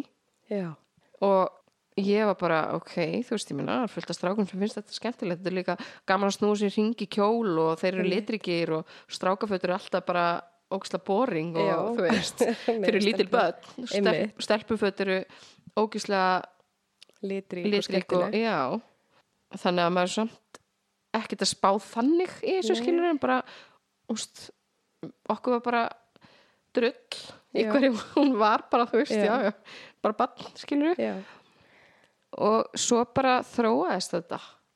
Alltaf, var alltaf meira og meira. Þú veist að þú veist, hún, það mátti ekki klippa hárið á henni af því að hún vildi vera með sítt hár. Mhm. og sem var horror af því að hún er með svo rosalega þykkt hár Já. og þú veist, mótt að greiða og allt þetta en bara mátti ekki klippa það. Og Katrín var með frekar stutt ár sko þannig að þú veist, en hún var bara ég verður um sítt ár og hún vildi alltaf vera í kjól, alltaf bara eins og prinsessa sko. Já. og þú veist, ef hún fór út í buksum þá kom hún oft fljótlega heim bara til þess að eða þú veist, þá vildi hún bara fara heima því hann leið ekki vel Já. vildi bara vera í kjól. Og þú veist, ég man eftir einu jóla, það var síðasta jólaballi áður en að hún sérst kemur út og segir okkur bara þú veist, eh, áður en hún skiptur um nafn og allt þetta skilur Já. sem að ég var búin að kaupa jólaföt á þær erlendis og setti þær í jólafötin og svo er þær að fara út og Ronja er bara ég vildi bara í kjól. Akkur er ég ekki í kjól? Og hún bara í buksum að vesti en samt í loðfeldi út af því að hún vildi það. Já. og bara ekkert mál. Og, hérna, og, og ég einhvern veginn þetta er eina skipti sem ég bara svona leta hann að fara samt í sparafötunum sem ég kefti í leikskólan en setti kjól í hólfiðinar Mhm. og svo fór ég bara heim og svo bara grét ég yfir því af hverju af því að ég valdi þessi föt af því að mig langaði til þess að vera í þessu föt af hverju var ég að neyðana til þess að vera í þessu Nákvæmlega. og ég var svo miður mín, ég var ólétt á þessum tíma já. bara, þú veist, alla tilfinningarna sko Já. og ég var bara, ég er, ég er ekki fara að gera þetta aftur ég, get, ég neyði hana ekki aftur í Ykkur föt. eða hann Já. var ég náttúrulega þá bara, nei, það bara, þú veist þetta var bara eitthvað að því ég var búin að sjá fyrir mér taka myndaði Já, sætunum fötunum sem ég kifti og bla bla bla ég meina, þetta bara skiptir engum máli Skiptir engum máli, í stóra samhenginu þá veist, Mhm. það bara skiptir þetta ekki máli og, og hún með dásamlega kennar á leikskólanum Mhm. þú veist, bara bæði deildastjórun og svo bara svona uppáhaldskennarina sem þær eru Já. mjög tengdar og þú veist, hún var rosa stöðningsrík og var bara, það var rosa gott að hafa hana Mhm. Og svona, já hún síndi þessu öllu mjög mikið skilning líka löngu áður en hún kemur út skilur við vorum búin að ræða þetta eitthvað svona saman. Þannig að um, svo er hún búin að segja nokkur sem hún sé stelpa en fyrir alltaf tilbaka með það segir það við okkur sko. Já. en hún segir ekki reyndar sjálf, nei. Hún rætti þetta, þar kemur hún tvíbura sambandiðin, hún rætti Já. þetta við Katrínu. Þá, þegar voru bara fjögur ára. Er það? og bað Katrínu um að segja okkur það Nei. það var alveg bara svona maður bara svona, vá, Hún var bara fjögur ára. já Þegar hún, Þegar hún sagði- Ég er stelpa. já, og bað Katrínu um að segja okkur Æ, bara, dúllan. ok en svo einhvern veginn fór hún bara alltaf tilbaka með það Já. og ég var síðan bara útskýra ég meina, þú er bara hver sem þú segir að þú sért Mhm. og, og þú máttu vera þessi í dag og þessi á morgun eða allt lífið eitthvað, þú veist það bara Já. skiptir engu máli, bara að þið líði vel og þú veist ég meina, sumt fólk uppgötar að það er ekki það sem aðrir sögðu þeim að væru og þau bara skipta Já. og skiptu nafn og allt skilur og svo erfitt að flókið að útskýra þetta fyrir Já. fjórar ára gálum batni skilur en ég var bara svona, vildi bara hún vissi möguleikana, Já. þú veist ég var bara þú, þú segir bara hvernig þið líður og þú, þú mátt vera þannig og það kom fyrst bara já já en ég, ég er bara, þú veist ég ætla bara að vera ég og ég bara já, flott þá ertu bara þú, þú veist þá var hún að meina ég ætla bara að vera strákur en þá og heita þetta og eitthvað ég bara já, bara, bara hvað sem, hvað sem er hvað sem þið líður best með? Um, en við svo horfðum við á hana transböld Já. ég og Gunni bara. Alveg vissamt um að hún væri nú ekki trans hún væri bara strákur sem finnst skamna að vera í kjólum. Mhm.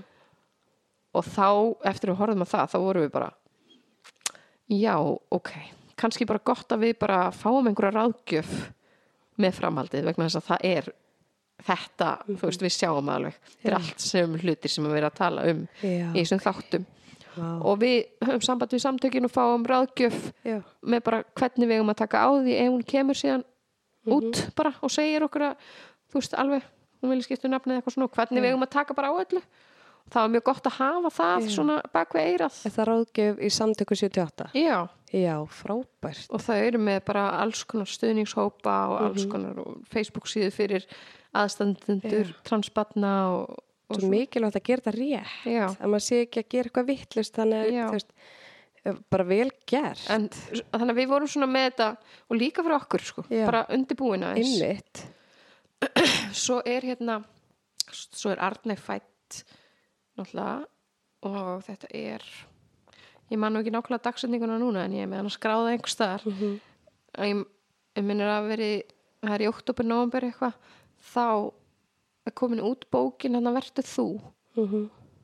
og við vorum að lesa hana og það er alls konar sögur um fólk sem til er alls konar minnilitahópum Mhm. hún er bara þannig, hver opnað er saga um veist, einhvern, bara barnaflótta eða Já. veist, einhvern já, bara alls konar fólk og eins sagan er um sagt, transbarn. Mhm. og þetta er, þetta er allt sannar sögur. Já, og þetta er sagt transstelpa sem býr í Íslandi. Já. sem er nokkrum árum eldri en Ronja. Og hún heitir Ronja. Er það? og það er svo fyndið af því að það er teikning skilur af henni í bókinni. Og það er þú veist teikning af ljósari stelpu. Já. en það skipti engum máli. Bara þegar ég las textan að þá sá hann bara er þetta saga um mig Oh my god. og ég var búin að lesa nokkra sögur náttúrulega undan þú veist ég var að lesa Já. bara alla bókina og ég bara um, nei reyndar ekki um þig Mhm. þetta er um aðra stelpu sem heitir Ronja og þú veist, hún er svona líður þér svona og hún bara, já mér líður eins og þetta sé ég Ú, vá, ég já, gæsa. og ég bara ok, Já. já. Og get ég gert þetta? Og þannig, að, þú veist, þó ég væri búin að segja alls konar við hana, þannig sá hún bara. Ég var bara að lesa þetta í bók og hún bara sá. Oh þetta er einhver annar sem er eins og ég og er búin að, og hún bara get ég verið stelpa allstaðar og bara fengi nýtt nafn? Og ég bara, já, þú getur það. Ef þú vilt það, þá getur það. Ég vil það þetta er ég ég, ég ætla líka að heita Ronja og ég bara ok, Vá. Ah, ég með svo mikla gæsa húð ég fekk sko ströym í hausin. Ég, ég að fæ líka að sjá hausnum. hvert skipti sem ég hugsa um þetta, þetta hugrakka bann sem að bara, Já, þú veist, lasa þessa mikilvæg bók skilur Já.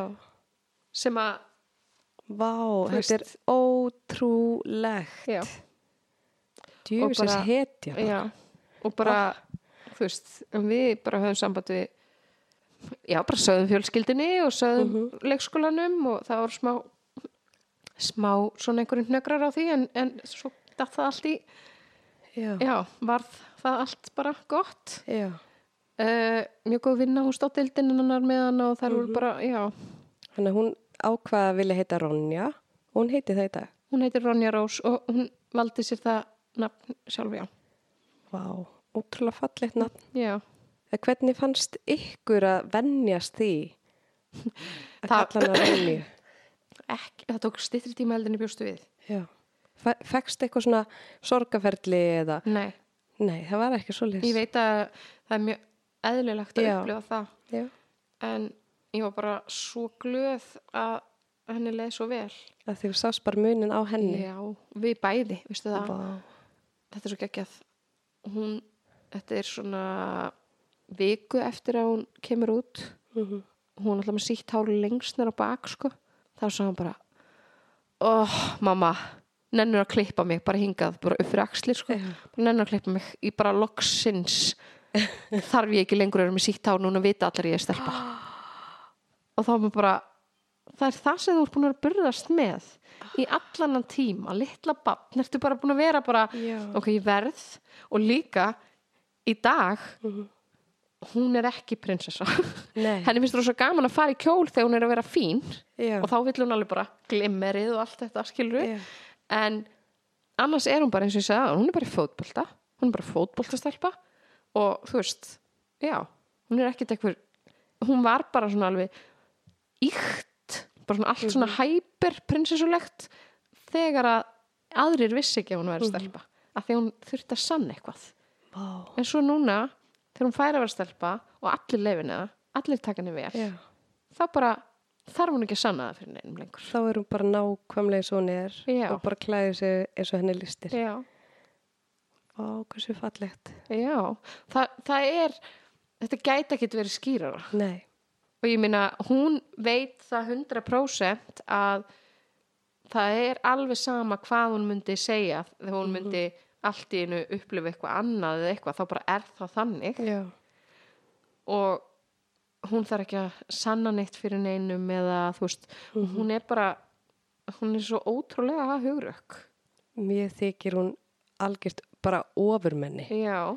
Þetta er engin smá hugrekki sem að lítið barn er bara, sko, bara vera einhvern veginn svo örug með sjálfa Já, en, en fyrir henni var þetta náttúrulega bara loksins fæ að vera ég. Já, vá, það var búið að vera svo mikið óöryggi í henni. Já. það kom þetta öryggi þegar hún fekk að vera þegar hún var bara, all, uh það maður sáðu bara nú fæ ég að vera ég. Vá, veist það magna, Já, þetta er bara trublað sko. þetta var bara, bara lært það sko, það var í rauninni ekkert neitt voðalega erfitt við þetta nei, nema að við vorum náttúrulega með rosalega miklar áhyggjur af því já, hvernig, þú veist, í hverju lendir hún hvernig taka aðrir henni. Þú veist, það er eiginlega helstu svona áhyggjurnar sem við Já. haft. einmitt, en annars bara samgleðjumst við bæði og þú veist Gunni hann er rosa þú veist, það er algengt við heyrum það og í gegnum hópin Mhm. líka og, og gegnum frá samtökunum að veist, það væri stundum lengra svona sorgaferli veist hjá Já. pappanum og svona það er ekki Gunni er bara á sama staði hann er bara vertu þú skilur bara Nákvæmlega. hérna vertu bara, það er svo geggjað og hann er svo stoltur af henni og bara Mhm. stiður hana svo 100% og það er, þú veist þau er svo fallegt samband og það er svo dásamlegt sko. já, hún er bara blómstra. Og þau, það er allar mm sýstinnar. En hvernig tók tvíbrasýstirinn þessu, hún Katrín? hún vissi þetta allan tíman, hún var búin að vita þetta svo lengi. Já, ymmit, hún, viss, hún var bara, fannst þetta að bara vita þetta svo eðlilega ótrúlega já, Já, hún var bara, ok. Og ég meina, með þess að krakkarnir á deildinni já, það voru einni að tveir sem voru smá Voru tíma aðlagast og voru bara, nei, þetta getur ekki verið út af því að þú veist, já, hún er svona og eitthvað en flesti voru bara, ok flott já, veist það er svo magna með og börn. foreldrarnir voru náttúrulega bara engin hissa skilu, Nei. foreldrar vina þeirra voru bara, Já, ok, bara já. flott með þess að hún var náttúrulega bara búin að vera hérna, þú veist með sítt hár og úber já, í, í, þú veist, árið eitthvað skilur þannig að þau voru all bara, Vá, já, það flott gott að henni líður. En hvað hérna tekur við?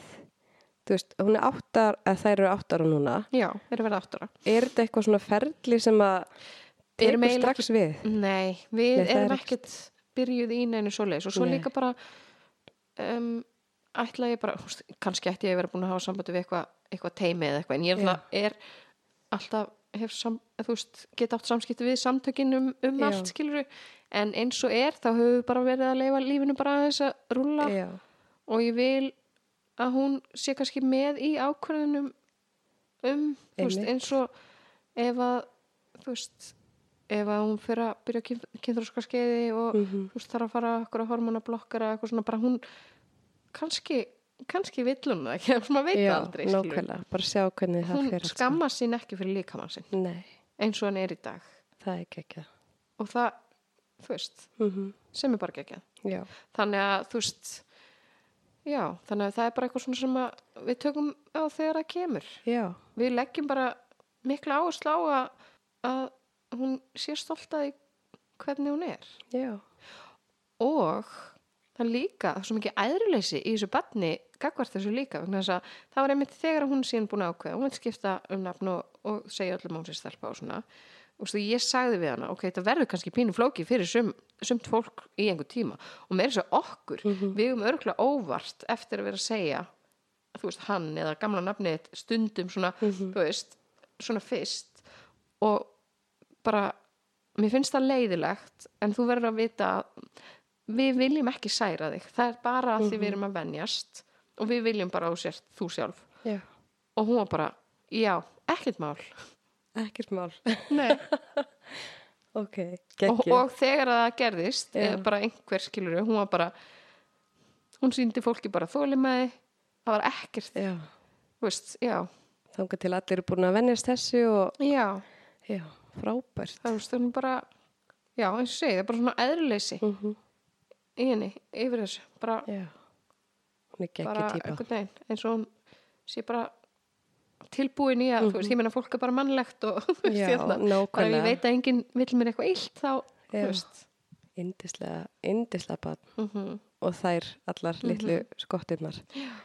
Vá, takk fyrir að deila þessu. Mhm. Þetta er líka bara áhugavert, mjög. Og það eru fleiri fóreldrar sem eru í svona spórum Mhm. og það er bara fallegt og dýrmætt að heyra hvernig þið tækluðu þetta. mm Það er bara svona algjör Ég- bara ást og man, mannskinni nákvæmlega sem hún er. Er bara, ég er alveg stolt af okkur að hafa geta gert þetta svona. En já, mér finnst líka mjög bara styrlað að gera það ekki þó Mhm. að það sé erfitt. Já, þú veist, fyrir fólk sem að gera það ekki þó að það sé erfitt af því að þú þarft ekki annað en að horfa bara á tölfræðina yfir bara sjálfsýstíðinni Mhm. transfólks, sérstaklega þá transfólks sem hefur ekki fengið að vera það sjálft. Bara, já, það er allt sem ég þarf að vita. Það er bara, veist, þú hefur minn stuðning alla leið, já, það er bara svo leis vegna þess að það er engin hópur held í heiminum það sem ég jafn á Hm. sjálfsýstíðinni heldur en hjá transfólki. Það er svakalegt. Já, fyrir utan að ég meina bara fyrra held ég að hafa verið það voru yfir 300 manns í heiminum myrt fyrir að vera trans. Bara Vá, engöngu fyrir af þessu. Þannig að maður er bara nei, ég ætla að styðja þig alla leið Já. og berjast fyrir þig og þú veist, þú fær að Já, ég vil að þér líði vel Mhm. ég ætla að gera allt sem ég get til þess að þér bara eins og maður gerir fyrir bönni sín já, fara alveg að fara að ljúka þessu. -hmm. Já, Hérna, er eitthvað svona sérstætt sem vilt segja lókum eitthvað svona, eitthvað ráð eða eitthvað Ég pælingar? held að það sé kannski bara aðalega eins og til dæmis ef ég hugsa um fólk sem að er að ætliða eða er að vera fóreldrar Mhm. eftir langan tíma eða bara, bara er að vera fóreldrar bara það er svo ótrúlega mikilvægt að munum að við erum bara mannleg. Já, þetta er bara þetta er bara ógislega erfitt. Þetta er bara rosalega flókið og erfitt hlutverk. Sem betur fyrir er þetta bara líka indislegt á móti skilur við, Já. það koma þær stundir bara þannig að við lifum þetta haf en hvort sem að, veist, þær, þær, þetta er erfitt og það er eðlilegt að þurfa aðstóð þegar að, þú veist, þegar við erum að ströggla já, ekki reyna að leika ofurkvendi. Akkurat, Sjáðu bara þig. já, Netjók. akkurat Ef þú vilt ekki enda eins- enda eins og dalmatíhundur, Einmitt. þá hérna færði þér aðstof. Sorry, svo kemur ég í því leika. Ég Nei. sagði nú einhvern tíðan daginn við hérna, ég var eitthvað að tala um stelpunar og ég segi eitthvað svona, já, þegar ég var að vinna þarna Já. og þá fór Ronja að hlæja og bara, varst þú að vinna? Ég bara, oh my god bara þær muni ekki eftir mér á vinnumarkaði það er rosalegt Það er sjokk rosalegt sjokk. en ég var líka bara, já og núna í dag er ég að alla daga fyrir ykkur Einmitt, það Bara, er sko halló. miklu meiri vinna.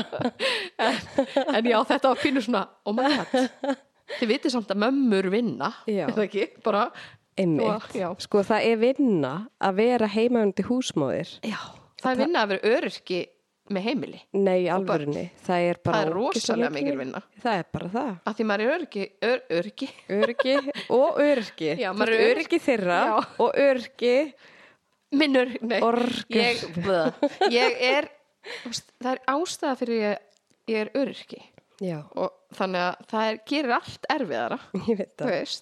þannig að já, það er bara Mhm. mikil vinna Já. þannig að ég bara, bara sinni því vel mikilvægt að hugsa vel um geðhelsu og Mhm. líkamlega hilsu. já, Ekki vera of mikið ofumenni. nei og að það er ekki neitt að skamma sín fyrir að lenda á þessum stað Mhm. og þurfa að leita sér hjálpar eða, eða þetta kannski hvort sem það er vika eða lengri tími út af vinnumarkaði bara, þú veist, í veikindarleifi eða hvað sem er til þess að sinna sjálfum sér út af því að þetta er allt eitthvað sem er að fara að hjálpa okkur í framtíðinni. Ég kýs bara að líta á það núna þannig einmitt eins og ég sagði áðan að það eru fullt af jákvæðum hliðum fyrir mig að vera heima þú veist, Já. ég veit hvar ég get sparað orkuna mína til þess að geta notað hana í börnum mín ég, þú veist, ég geti það ekki ef ég verið út á vinnumarkaði Mhm. þá bara ef það var krefund dagur í vinnunni þá er ég bara búið með orkuna þegar ég kem heim. Nákvæmlega. þannig að þú veist já, og ég get bara gert meira sem ég langar að gera fyrir og með fjölskyldinni og bara þannig að það eru margar jákvæðar hliðar á þessu Mhm. en ég held að sé mikilvægt að við sérstaklega Íslendingar förum að muna að vinnan getur ekki verið í fyrsta sæti Þú veist, við þurfum að vera í fyrsta sæti. Til þess að geta unnið já, og hugsað um börn og Já, allt bara allt. Já, bara li- lifað. Þannig að- það er bara ótrúlega mikilvægt. Herðu, að því ég glemt að spyrja ein, einni spurningu. ok. Að ætliða barn, mm er þetta eins og ímyndaðir? nei, þetta er miklu þetta er miklu erfiðara. Það er helst það. En það er svo magnað að fylgjast með þessum börnum. Mhm, það er líka, þú veist, það, það er alls konar hlutir sem ég bara ákvaði eruð geggjaðar að ráða við þetta eða geta þetta eða eitthvað með, þú veist, þegar þið fenguðu ekki sömu byrjun í lífinu og all börn. Að þannig að það er geggjað. Nákvæmlega. en miklu erfiðara heldur en ég bjóst við. Já, ég hefði náttúrulega aldrei samþykkt að ætla töpun í einu þannig að fyrir einhverjum árum síðan ef ég hefði vitað það, en sem Já. betur fyrir gerði ég það. Já, og ég segi líka alltaf að bara sem betur fer varði ég ekki ólétt áður en ég ætli þið já. Þá er ég- kannski ekki ætlit.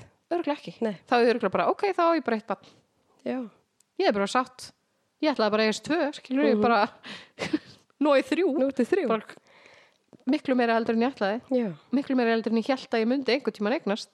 Og ótrúlega þakklátt fyrir að tímasetningarnar einhvern veginn á þessu öllu það var púslaðist allt bara svona rétt saman já, komum reynda þrjú börn á þreymur árum sem var freka krefjandi en þú veist Já. samt, þetta er bara einhvern veginn gerist allt í réttri röð já. vil ég meina þannig að Og geggjað. mm -hmm. Takk æðislega fyrir að koma Mm til mín í spjall. Indislegt að sjá þig. bara já, það er ótrúlega gaman að koma. Þú er gaman að hlusta líka á hættina sem sem er aðra sem er búin að tala um